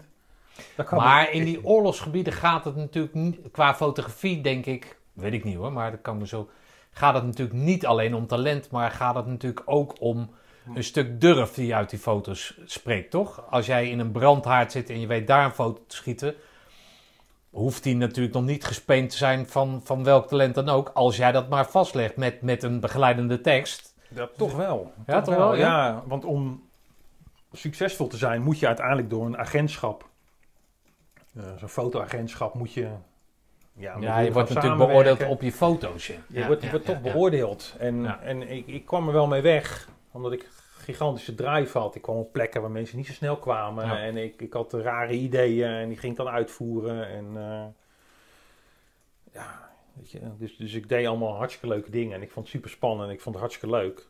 Maar ik merkte gewoon, ja, ik zou daar niet komen. En als ik nog student was geweest, of heel jong, en ik had me kunnen volstaan met een kamertje achteraf ergens, maar langzaamaan raakte mijn geld op. En eh, ja, ik zag dat het niet tot groot succes zou leiden. En toen werd ik aan mijn oude werk toch weer, ja, belde mij altijd. Dat marketingmanager eh, nee, nee, maar Oh. andere, andere bedrijven Oh, wouden ja. mij heel graag hebben. En die, eh, ja, voor allerlei projecten. En, en op een gegeven moment, toen belde een kerel mij op en die zegt: Pieter, we hebben je nodig. Willen je 20 dagen inhuren, 1000 euro per dag. Om dit voor ons te doen. Ja, ik zei, daar moet ik even over nadenken. We hoeven niet na te denken. Mijn bankrekening was leeg. En ik zei, nou, dat is goed. En ja, toen ben ik dat weer gaan doen. En ben ik eigenlijk in blijven hangen, weer. Hm. En, ehm, Baalde je dan? Nee, nee, nee, want dat was natuurlijk een bewuste keuze. Maar Nee, maar- natuurlijk, het was het geld wat het, wat het goed maakte. Je had geen, geen bankrekening of er stond niks meer op je bankrekening. Ja, en Maar baal je van het feit dat je dan geen talent hebt? Wilde je dan niet extra investeren? Of heb je gewoon gezegd, oké, ja, geen, zo. geen, geen talent, Ja, dus dat- hier stopt het, eh, Pieter. ja, hier stopt het. En mijn vrouw vond het ook niet zo'n... eh, Nee, ja, dat lijkt me, ik heb er, niet, eh, ik heb die- er al vaak genoeg naar gevraagd, maar oké. Ja, die begon toen echt wel te protesteren. Ja. Van, van ja, dus echt niet de bedoeling dat jij je ergens laat beschieten of, eh, Ja. of rare dingen gaan gebeuren. Dus dat was, eh, ja, echt goed overleg. Ben ik daarmee gestopt. Hm. En toen heb ik nog een tijdje in Nederland gewerkt. En later werd ik, eh, ja, toen werd ik gevraagd om in Dubai te gaan werken. Heb ik dat tijd gedaan. Daarna naar Nigeria heb ik dat een tijd gedaan. Dus daar kwam dat avontuur Maar dat was terug. nog steeds dat in kaart brengen van. Ja, Of- ja, toen werd ik, ja, ging ik luchtfoto's verkopen in het Midden-Oosten.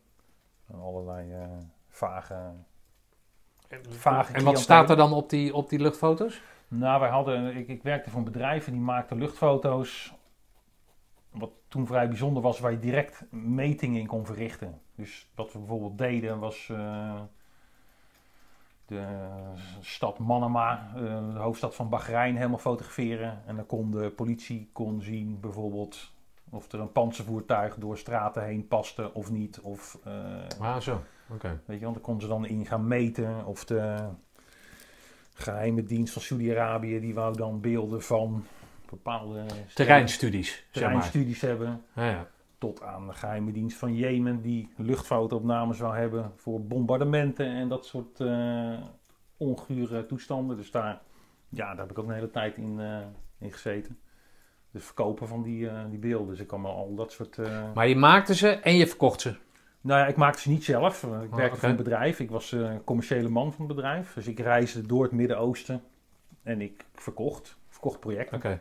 Ook voor gewone toepassingen, hè, wegenbouw en dingen. Ja. Maar er zaten ook... eh, Ja, ook wat minder eh, fijne... ja, ik ben naar al die eh Oké. oorden geweest. Libië. dus de dan, kom je van- in, in bijvoorbeeld in Libië. Ja, En dan heb je daar een contact. Ja, En dan zeg je, goh, wat zouden we voor je kunnen doen?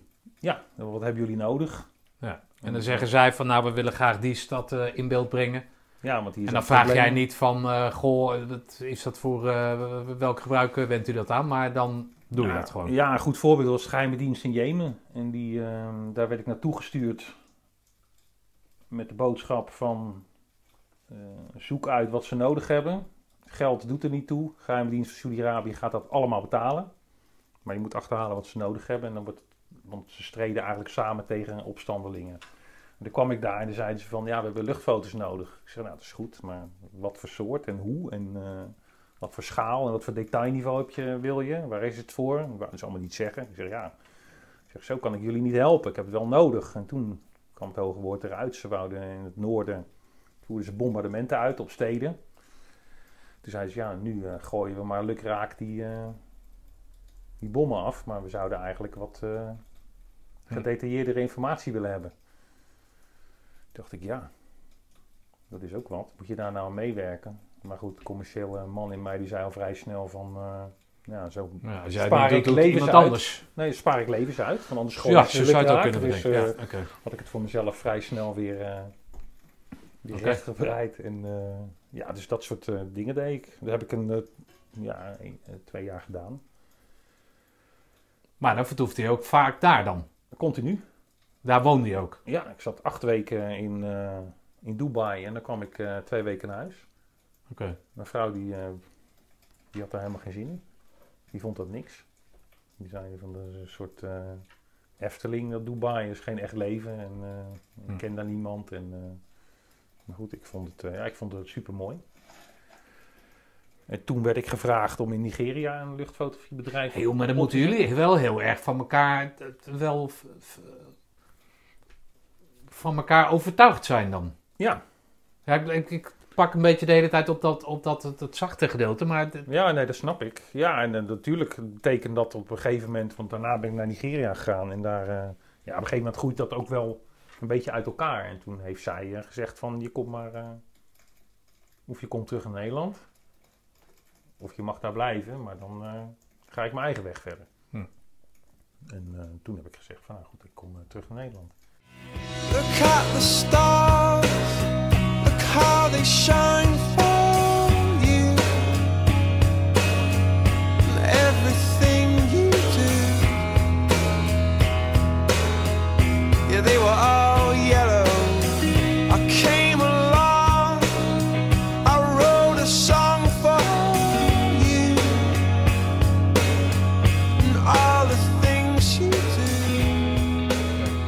dan ga je hier teleurgesteld voor je uit zitten kijken. Of, eh, hoe, werkt dat dan? Nee hoor, toen eh, dacht ik van, goh, wat zal ik eens gaan doen? Dus eh, toen ben ik eerst... Je had die midlife crisis had je al had achter de rug. Had ik al achter de rug. En toen ben ik gaan kijken van wat kan ik in Nederland eens gaan doen. Ik denk, ik ga niet direct meer voor een...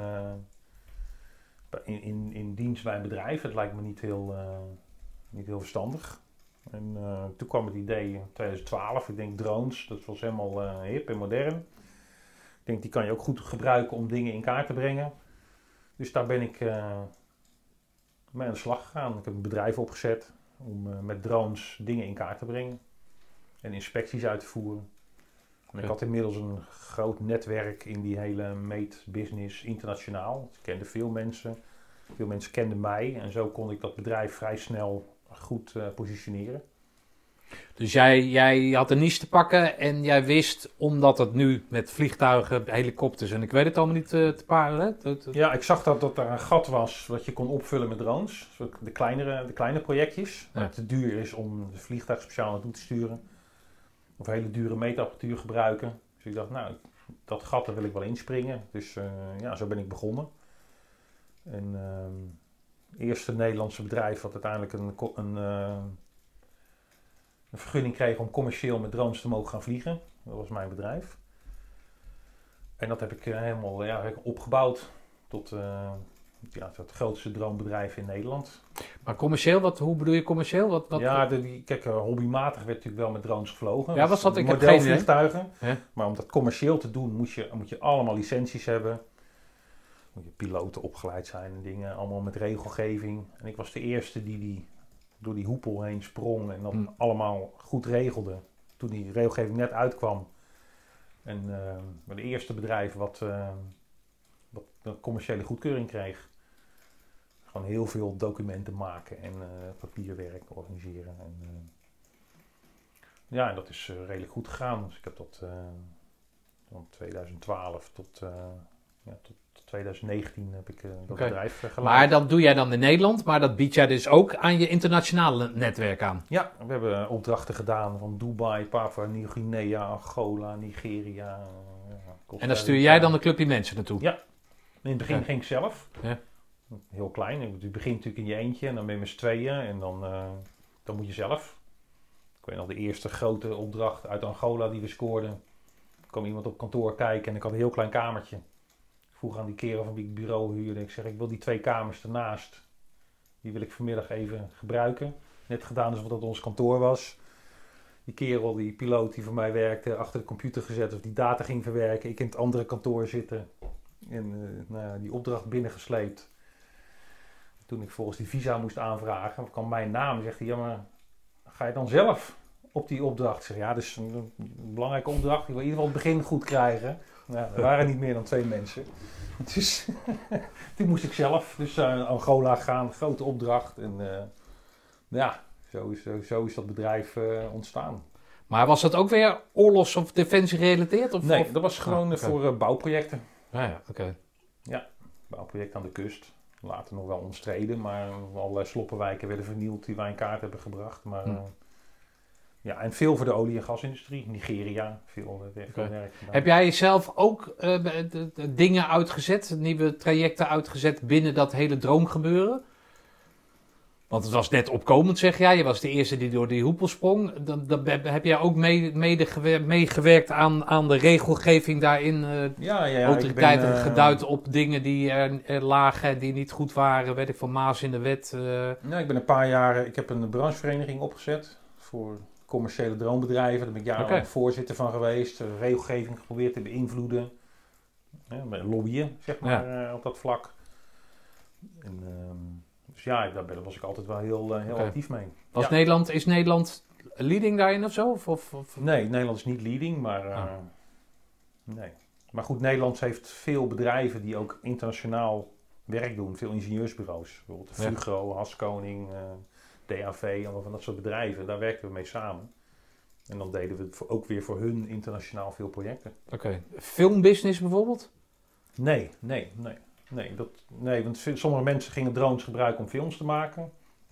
Andere, maar ik wou echt een niche pakken waar anderen wat moeilijk inkwamen. Dat was echt de, ehm, het meten met drones. Dus je kan bijvoorbeeld als je over een berg kolen heen vliegt, kan je uitrekenen hoeveel kuub daar ligt met, eh, uit foto's. Dus een bepaalde techniek om dat uit te rekenen. Oké. Ja, ja. Nou, daar waren we heel erg goed in. Inspecties, maar dan de moeilijke, bijvoorbeeld boorplatforms, offshore, eh, internationaal. En zo probeerden we ons als eh, high-end partij in de markt te zetten. Oké. Dus, Dus daar gaan grote bedragen in om. Nou, dat valt wel mee. En Oh.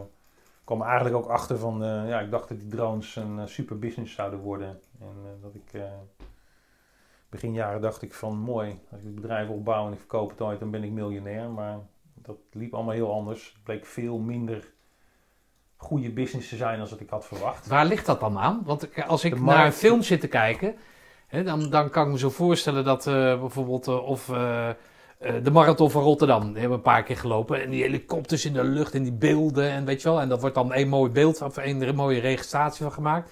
En nu gaat zo'n drone erin en je hebt geen mensen nodig. Je hebt alleen één pilootje nodig op de grond. Pilootje, sorry. Maar snap je? Het, het, het Ja, wordt allemaal... Maar er worden geen, geen grote bedragen verdiend in, in, in, in die handel. En dus het is vaak stilzitten. Dus hè, als je een piloot in dienst had, kan je misschien eh 100 dagen, als je geluk hebt, inzetten commercieel. En de andere 265 dagen heeft hij of vakantie of vrij of eh, zit hij iets anders te doen.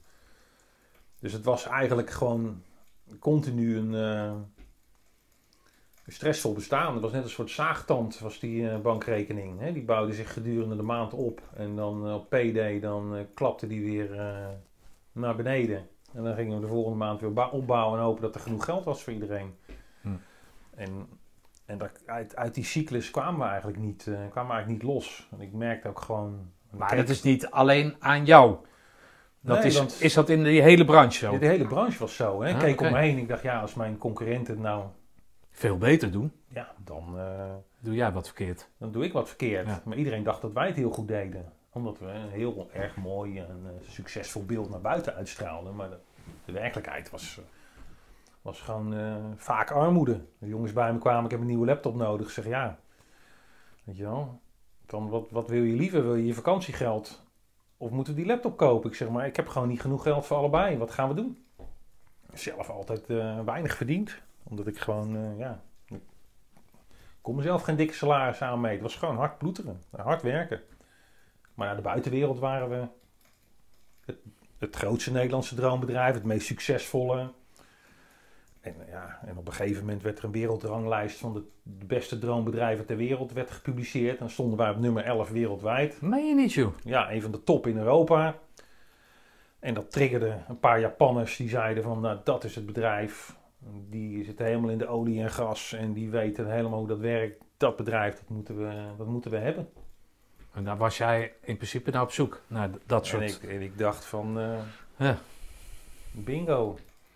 En dan, hoe gaat dat dan? Je krijgt een mail of zo? Of je krijgt een, een, een fax? nee, fax was het niet. Dat was Nee, toen kregen we een heel raar mailtje eh, van de Japanners. Van, eh, what, what your strategy? Eh, we want to talk, zoiets. En ik denk, ja, je krijgt wel vaker van die rare mailtjes. Normaal gooi je ze in de prullenbak. Maar we hadden nog, eh, met samen een collega, hadden nog wel de tegenwoordigheid van geest om te kijken van wie het had verstuurd. En dat bleek eh, ook op de wereldranglijst op nummer 9 te staan, een Japanse partij. Oh, die stond in diezelfde ja, lijst? die stond in nummer oh, 9. die wilde gewoon uitbreiden. Die wou de nummer 1 worden. Oké. En die, eh, dus ik nou, toch maar eens mee in gesprek geweest. En uiteindelijk is die directeur, die Japanner, is naar Nederland gekomen. En die, eh, we hebben drie uur mee gesproken. En toen zei hij, ja, ik wil jullie bedrijf kopen. Ik zei, ja, nou, dat, eh, Wat? ik zei, dat kan zomaar niet. Hij zegt, ja, hoezo kan dat niet? Ik zei, nou, jij was toch bezig met een tour door Europa om de beste bedrijven te doen. Je bent nog niet eens, je hebt je ronde nog niet afgemaakt. Ik heb gezegd, ga eerst maar je rondje afmaken. En als je dan nog enthousiast bent, dan moet je maar bellen. Nou, dat deed hij.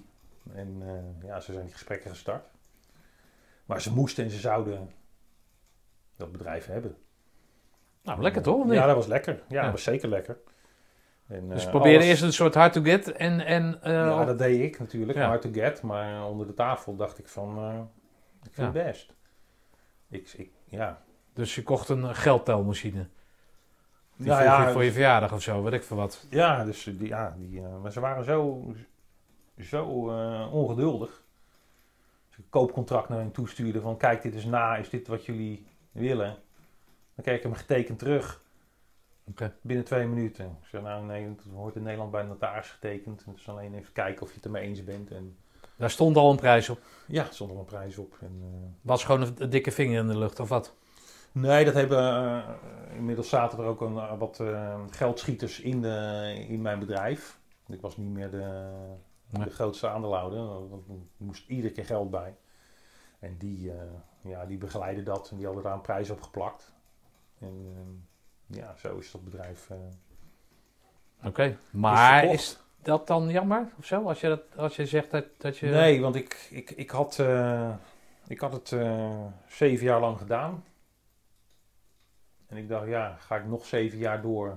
Ja, maar dat heb jij elke keer. Dat is een repeterend verhaal. Eén Ja. keer in de zoveel tijd zeg je gewoon tegen jezelf, is dit het dan? Ja, precies. Ja, ik denk, Oké. dat, ja, dat, dat, dat, dat is het. Ik denk, ja, gewoon weer tijd voor wat anders. Oké. En toen, dus, toen is het bedrijf verkocht aan de Japanners. En die anderen zijn uitgekocht. Jouw, jouw vennoten zijn uitgekocht? ja, sommige zijn uitgekocht, sommige zitten er nog in. En, Oh, die, die zijn meegegaan met de ja. Japanners. Ja. Oké. En hoe, hoe rendeert dat bedrijf nu? Ja, het gaat nu niet zo heel goed door de corona. Maar ze Ja, zeggen dat ze, dus de vooruitzichten zijn redelijk. En eh, gelukkig wel, want eh, je voelt je nog wel verbonden met Al het personeel natuurlijk. Hè. Je hebt natuurlijk wel een team om je heen gebouwd. Hoeveel mensen uit hoeveel mensen bestond dat? Ja, dat stond toen uit een man of 16. Oké. Dat is een team wat je opbouwt en ja, waar je hechte banden mee hebt. En die, ja, die wil je niet zomaar eh, Nee. aan de goden ja, overleveren. Dus dat is... Maar goed, dat heb je toch een soort gedaan, heb je Ja. verteld. Dat nou niet aan de goden overleven, maar ja. vertel dat eens. Draai ik nog een check van je. Nee, maar goed, uiteindelijk eh, ja, loopt het nu goed. Het Nee, maar hoe, hoe was het? Hè? Want jij vertelt dat ze één fout hebben gemaakt, de Japanners dan. Ja, En wat is die fout die ze gemaakt hebben, volgens jou? nou, ze zijn gewoon veel te snel gegaan. Ze hebben veel te, ja, ze zijn gewoon ongeduldig. En eh gingen als een olifant door de porseleinkast heen. En, eh, ja, en eh, op een gegeven moment eh, binnen de kortste keren boterde dat ook niet tussen ons. Ja, eerst was ik nog gedeeltelijk aandeelhouder, maar die Japanse mentaliteit en die Nederlandse mentaliteit, dat, eh, Nee, gaat dat niet? nee, dat gaat helemaal niet. Oké. Ik denk, Wat- dat, wat er ik denk, dan? ik denk dat er geen slechtere match is te vinden tussen een Oh, Nederlander en zo, een ja? Japanner. Wat doet een Japanner wat een Nederlander wel doet en andersom? Ja, een Japanner zegt niet waar het op staat. Die denkt drie keer na, die, die is beleefd. Die, ja, ik denk de enige eh, nog grotere mismatch zou tussen een Groninger en een Japanner kunnen zijn, zeg maar. Maar Oké. ja, dat is echt... eh, nee, dat, eh dat boterde niet. Ik, Oké. zeg, gewoon- ik zeg gewoon waar het op staat. En dat is natuurlijk niet de bedoeling. Nee. Maar goed, jij vertelde dat een, een, een regulier contract betekent dat als groot aandeelhouder, of in ieder geval als verkopende partij, moet je je altijd voor een aantal jaren verbinden. Normaal gesproken wel, Ja. ja. En dat hebben ze bij jou niet gedaan. Nee. En toen dacht ik, nou mooi, dan ga ik weer aan iets nieuws beginnen. En, eh, Maar je bent nog steeds op ZZP-basis voor hun aan de gang. ik, eh, ik werk nog steeds eh, parttime voor, voor ze. En ik voorzie ze van adviezen op het gebied van regelgeving, veiligheidsdingen, kwaliteitsdingen. En, Op, nee, in Nederland of wereldwijd dan? Want zij... nou, nou ja, wereldwijd. Oké. Maar goed, voor het kantoor in Nederland doe ik dat, ja. En zij opereren zeg maar in hun regio en Nederland bestrijkt Europa of zo. Ja, zij hebben inmiddels twintig bedrijven opgekocht over Oh, de hele wereld. Dus zij staan nu op nummer 1 op dat lijstje. Oké. Wat ze altijd al graag wouden. En eh, ja, dat hebben ze bereikt. Oké. En wat verder de bedoeling is, dat weet ik niet. Maar eh, ja, Ja, dat zul je jeuken toch? dat Ja. vind ik ook niet meer zo heel boeiend. Nee. Ik vind het nog wel leuk om betrokken te blijven. Ik vind het leuk om, eh, om nog wat dingen te doen. Ik heb geen zin eh, en ook niet de middelen om niks te doen. Dus eh, Oké. ik moet nog wel... Maar van die 16 eh, mensen in je oorspronkelijke ploeg, ploeg die, daar, die werken er allemaal nog? Ja, de meeste zijn allemaal overgegaan. Inmiddels zijn er wel wat mensen weg. Maar ja, het zijn gewoon de hele ploeg is overgegaan. Ja. Oké. Dus dat heb je dan, heb je ze toch een soort verzorgd achtergelaten. ja. Dat gevoel heb je in ieder geval. Ja. Hm. En nu? En nu? Ja, inmiddels zit ik en heb ik een eh, boerderij gekocht in Frankrijk. Waar ik de gros van mijn tijd doorbreng. Ehm, en vanuit een huis daar wat consultiewerk doe. Een beetje verbouwen. En een wat minder stressvol bestaan eh, probeer te leiden. Oké. Maar avontuur is stress, toch? Dus het, het- zeg jij nou dat je het avontuur hebt afgezworen dan? Ja, wie weet. Dat weet ik eigenlijk niet. Nou ja, ik ja, weet nee, niet. dat, dat, dat, dat zal blijken. Hè? Je weet nooit of die eh, onrust weer in je... Ja, dat zal... eh, iedereen maakt zich er al voor op, denk ik. Ik denk dat je... eh, Dat, dat, Hoe oud ben je nou? Bijna 55 word ik dit jaar, ja. Over, over een maand, dus 54 nu. Oké. Ja. ja, goed, je wordt wel rustiger. Nou, dat weet ik niet. Ja, ik wel. Ja, ik Ja? word- ja, natuurlijk, je wordt wel rustiger. De drang om, ehm, om zoveel te reizen en veel avontuur te beleven, dat, dat wordt wel minder. Ja, ik denk gewoon dat je testosteronniveau eh, met de leeftijd langzaam daalt en eh, dat dat soort dingen meegaan. Ik ben nu eh, meer, sneller tevreden.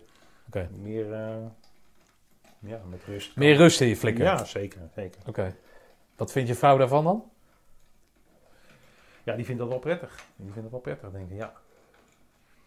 Ja, denk je of, of Nou, dat merk je ik. dat aan de... Ja, kijk, zij, vindt- zij, zij, vond, zij vindt natuurlijk ook niks om te zien dat ik eh, stress had en niet eh, op mijn plek was. En, eh, want het was gewoon stress. En stress is, is, is op een gegeven moment niet leuk.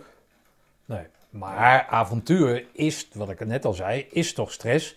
Dus Ja, jij maar- leeft toch op stress, of niet? Ja, maar dat is stress waar je zelf toch meer invloed op hebt. En als je op een gegeven moment in een bedrijf zit, in een structuur en je hebt aandeelhouders, dan moet je rekening mee houden. Dan heb je die Ja. vrijheid niet om, om, om te bewegen zoals jij, dat, eh, zoals jij dat wil. Het gaat allemaal om geld en eh, vaak heb je geld nodig. En eh, ja, zodra je de eerste investeerder toelaat, verkoop je ziel aan de duivel eigenlijk. Wat, wat, wat voor mensen waren dat die investeerden? Waren dat wat kennissen? ja, in het begin waren dat gewoon, dat was gewoon, ja, nee, dat was geen, waren geen kennissen. Er waren, het eerste was een bedrijf wat ik goed ken, dat heeft mee geïnvesteerd. En later was het gewoon echt een professionele investeerder. Hm. Die dacht, nou, ik ga meegokken op de drone business. Ja. Gewoon geld erin stoppen. Ja.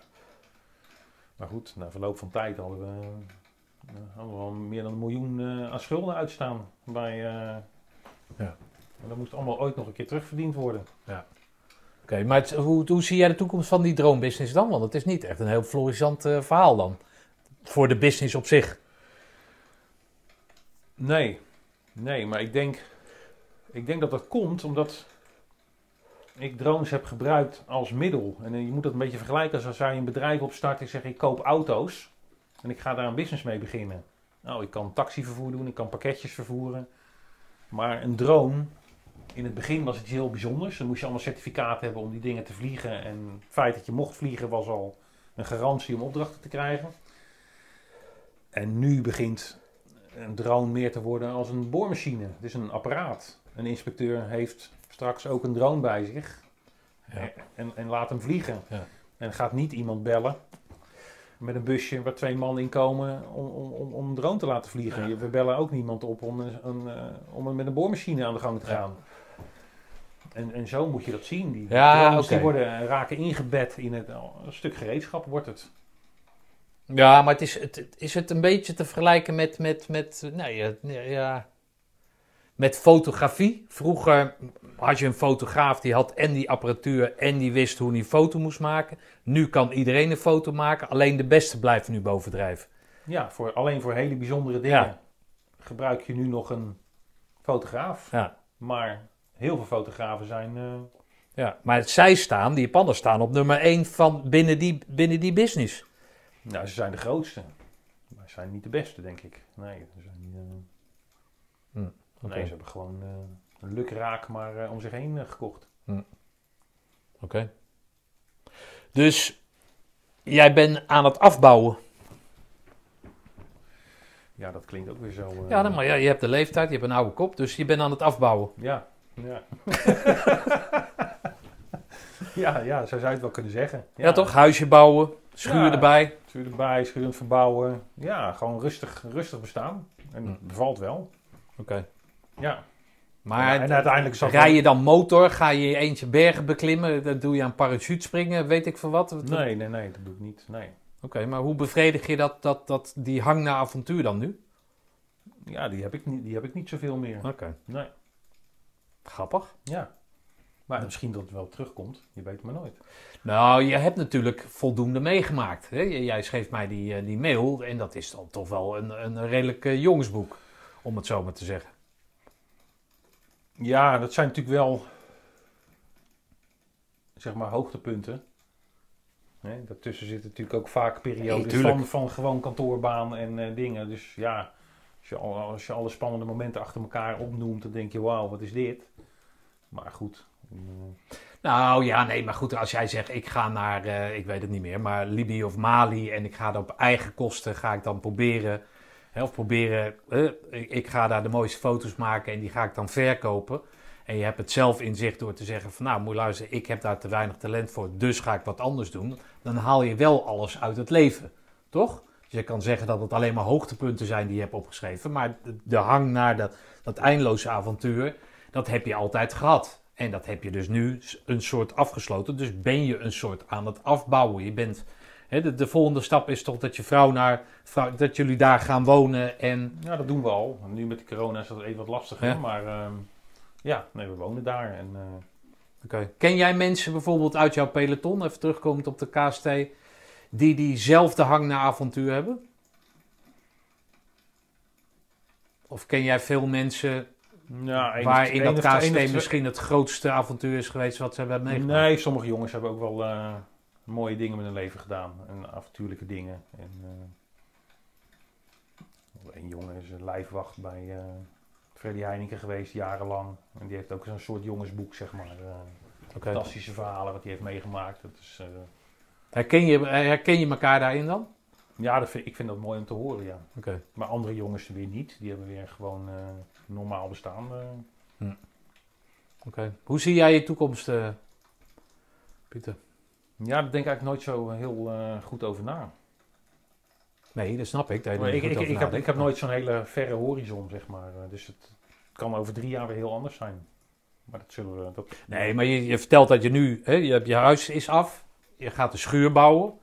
Dat is in eerste instantie voor vrienden, kennissen en, en, en eh, aan- aan, aanverwante artikelen, om het zo maar te zeggen. Maar het zou kunnen zijn dat je het verhuurt. Ja, dat Als een soort bed and breakfast-achtig, als Ja. Frankrijk weer open gaat, dat je daar dan de kost mee verdient. Dan ben je eraan, toch? Ja. Dan is het avontuur, eh, dan is het het, bed schoonmaken en, eh, en zorgen dat het eh, weer netjes is voor de volgende dag, voor de volgende bezoekers. Scha schaam maar uit de wc halen of uit de doucheputje halen. Bijvoorbeeld, ja. dat is dan het spannendste wat je mee gaat maken. Ja, ik denk het wel. Maar daar kan je bij neerleggen. Ik denk het wel. Ja, er zit Maar toch dat- wel een bepaalde twijfel in. Je, je, je Ja, maar nog- ik, ik, ik denk niet zo heel Nee? gestructureerd na Oké. dat soort dingen. Het zou kunnen zijn dat we samen besluiten over drie jaar dat we, weet ik veel, weer ergens anders naartoe gaan. Of dat we een camper gaan kopen. En, eh, of eh, ja, wie weet. Hoe is jouw contact met, eh, met het, het, het commando zijn, commando vereniging, wandelclubs? doe je daarmee? Ja, ik ben, ehm, ik ben vaak actief bij de Commando Wandelvereniging laatste jaar. In voorbereiding op die eh, Normandië Memorial March, die ik graag zou willen lopen. Maar goed, nu blijkt dat mijn knie... eh, Voorafgaand aan de reunie hè, van volgend jaar gaan jullie vanuit... niet volgend jaar, maar het jaar daarna. Dus in maart 22 zou die toch plaatsvinden. Oh ja, 22 is het pas, ja. 22, ja. Oh ja, verdomd. Ehm, dus ja, het was mijn idee om dat te gaan lopen. Dus Maar- 1000 kilometer vanuit daar, Vanuit Naar Roosendaal? Naar Roosendaal. Met, 50 eh, kilometer per dag, hè, of zoiets? dacht met vijf, ja, 50 kilometer per dag met 35 man. Oké. Die ken je ook allemaal? Of, of, nee, eh, maar goed, ik heb er wel een aantal leren kennen nu. Ja.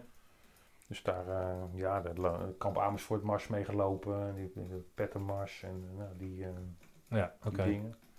En dan dit jaar zouden we de Vierdaagse lopen met elkaar als voorbereiding. En volgend jaar weer. Maar goed, dat ging ook niet door door Nee. corona. Voel je een bepaalde ver- verbondenheid tussen die kerels, welke lichting dan ook? Is, is, is dat, eh, is dat wat, wat, je, wat je voelt? Eh, Ja, het zijn natuurlijk Ja? stuk voor stuk eh, mooie, mooie gasten. Leuk om mee op te trekken, ja. Oké, dus niet, niet gerelateerd aan een bepaald tijdvak. Of heb jij ook in de 104 gezeten? Nee, ik heb in de 105 gezeten. Maakt allemaal geen zak uit. Groene bret is groene bret. ja. Het zijn eigenlijk allemaal wel dienstplichtig Ja, eh, commando's geweest. Dus niet van de van de huidige generatie. 108 of zo heet dat. Ja. Nee, maar vroeger, als ze heel oud zijn, hè, of wat ouder zijn dan dat wij zijn, was er ook zo'n 108 en, en, en 105. Ik weet allemaal niet hoe het, hoe het heet. Maar je hebt, voelt er altijd een verbondenheid. Ja. Hè, als jij hier binnenkomt, dan klikt het meteen. eh, vind ik. Ja, Hè? absoluut. Eh, ja. heb, jij dat, heb jij dat altijd bij, bij, bij, bij anderen die, waar je van vermoedt of krijgt te horen dat ze groene bret hebben? ja, meestal wel. Ja. Ah, Oké, grappig is dat dan, hè? ja, dat is heel bijzonder. Ik weet ook niet, maar Oké. het zijn toch uiteindelijk allemaal jongens, mannen inmiddels, die toch wel een beetje van hetzelfde hout zijn gesneden. Hm. Kijk, dus jammer dat er natuurlijk een aantal mensen afvielen die door blessure leed, maar die wel hetzelfde karakter hadden. Maar goed, wat is overgebleven, is voor 95% wel eh, een bepaald type. Nee, dat klopt inderdaad. Kijk, ik denk, niet- ik denk uit die vorige podcast van jou, daar hoor ik vaak dat, dat het je dan gevormd zou hebben. Of dat je daar levenslessen hebt geleerd. Ja, dat heb ik niet zo. Alles wat ik daar geleerd heb, ja, daar heb ik niet zoveel aan. Ik heb nooit schildwachten hoeven uitschakelen, s'nachts. Of eh, een oezie moeten afvuren of eh, een put moeten graven. Dat, dat soort vaardigheden, daar heb je eigenlijk geen bal aan in, eh, in je gewone leven. Nou ja, een graven niet zozeer, als wel dat je, dat, dat je iets bijvoorbeeld moet doen wat totaal nutteloos is. En dat je dat dan op de beste manier doet. En als je dat op de, de manier doet zoals jou dat het beste lijkt, of dat jou wordt voorgehouden, dat je daar dan een bepaald doorzettingsvermogen mee kweekt. Of, of iets in die geest. Wat heb je aan die groene beret gehad, als je het daar dan toch over hebt? Nou, voor mij is het belangrijkste les toen was gewoon van, zie je wel, als ik iets wil, dan dat heb je dat. net, ja, dat vertelde dan, ga ik dat, dan kan ik dat. Ja. Dus dat heeft mij ja, een gigantische boost aan zelfvertrouwen gegeven. Hm. Ja, als je net die groene beret hebt, nou, je zweefde ongeveer 30 centimeter boven de grond. Ja. Ja. Maar goed, toen je naar Frankrijk ging, had je ook heel veel zelfvertrouwen, zonder dat je wat, ooit wat gedaan had op dat gebied. Nee, nog niet natuurlijk. Nou, maar je bent toch gegaan. Ja, maar weinig zelfvertrouwen. Ik was natuurlijk een, een broekie, ik was een groentje. Ja, maar zonder zelfvertrouwen ga jij niet de trein nemen naar Lille. Dat, dat, dat bestaat niet. Nee, misschien niet, maar het, was, ja, het is toch anders. De commandoopleiding was gewoon een, een veel zwaardere opleiding hè, dan, dan ik mij had eh, voorgesteld. En eh, veel, veel ingewikkelder. En, eh, ja, dat was, echt, dat was echt een prestatie. Die opleiding bij het legioen afmaken was geen prestatie. Hm. Dat moest toch wel. Anders werd je er wel doorheen geschopt. En, Ja. ja. Iedereen die eraan begon moest afmaken.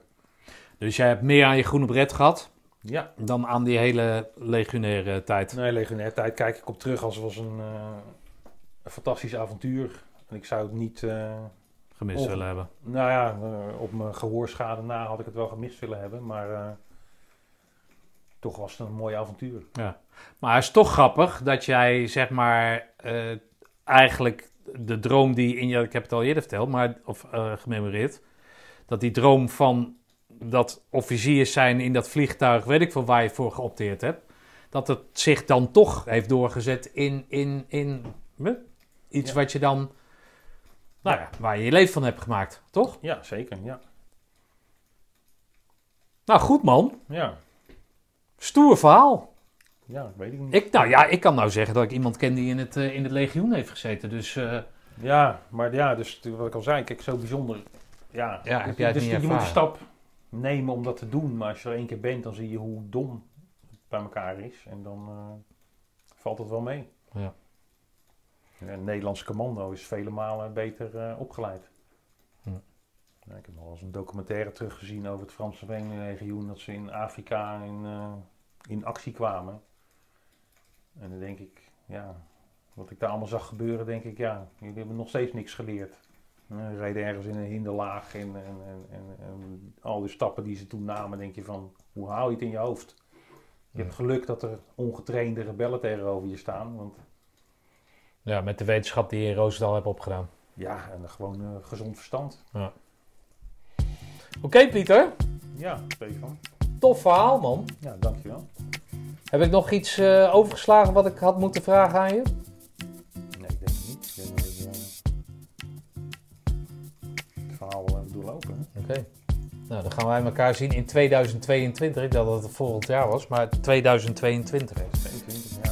Ik wil je danken voor je, voor je avonturen, delen van je avonturen. En eh, ik eh, wens jou het eh, allerbeste Ja, dankjewel. Jij ook. Succes met de, met de rest. met de podcast.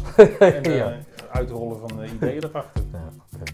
Hey, bedankt. Ja, graag gedaan. Nou, dat was hem dan weer. Pieter, oude avonturier. Ik wens jou en Ludie het allerbeste.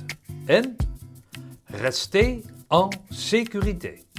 Met andere woorden, stay safe.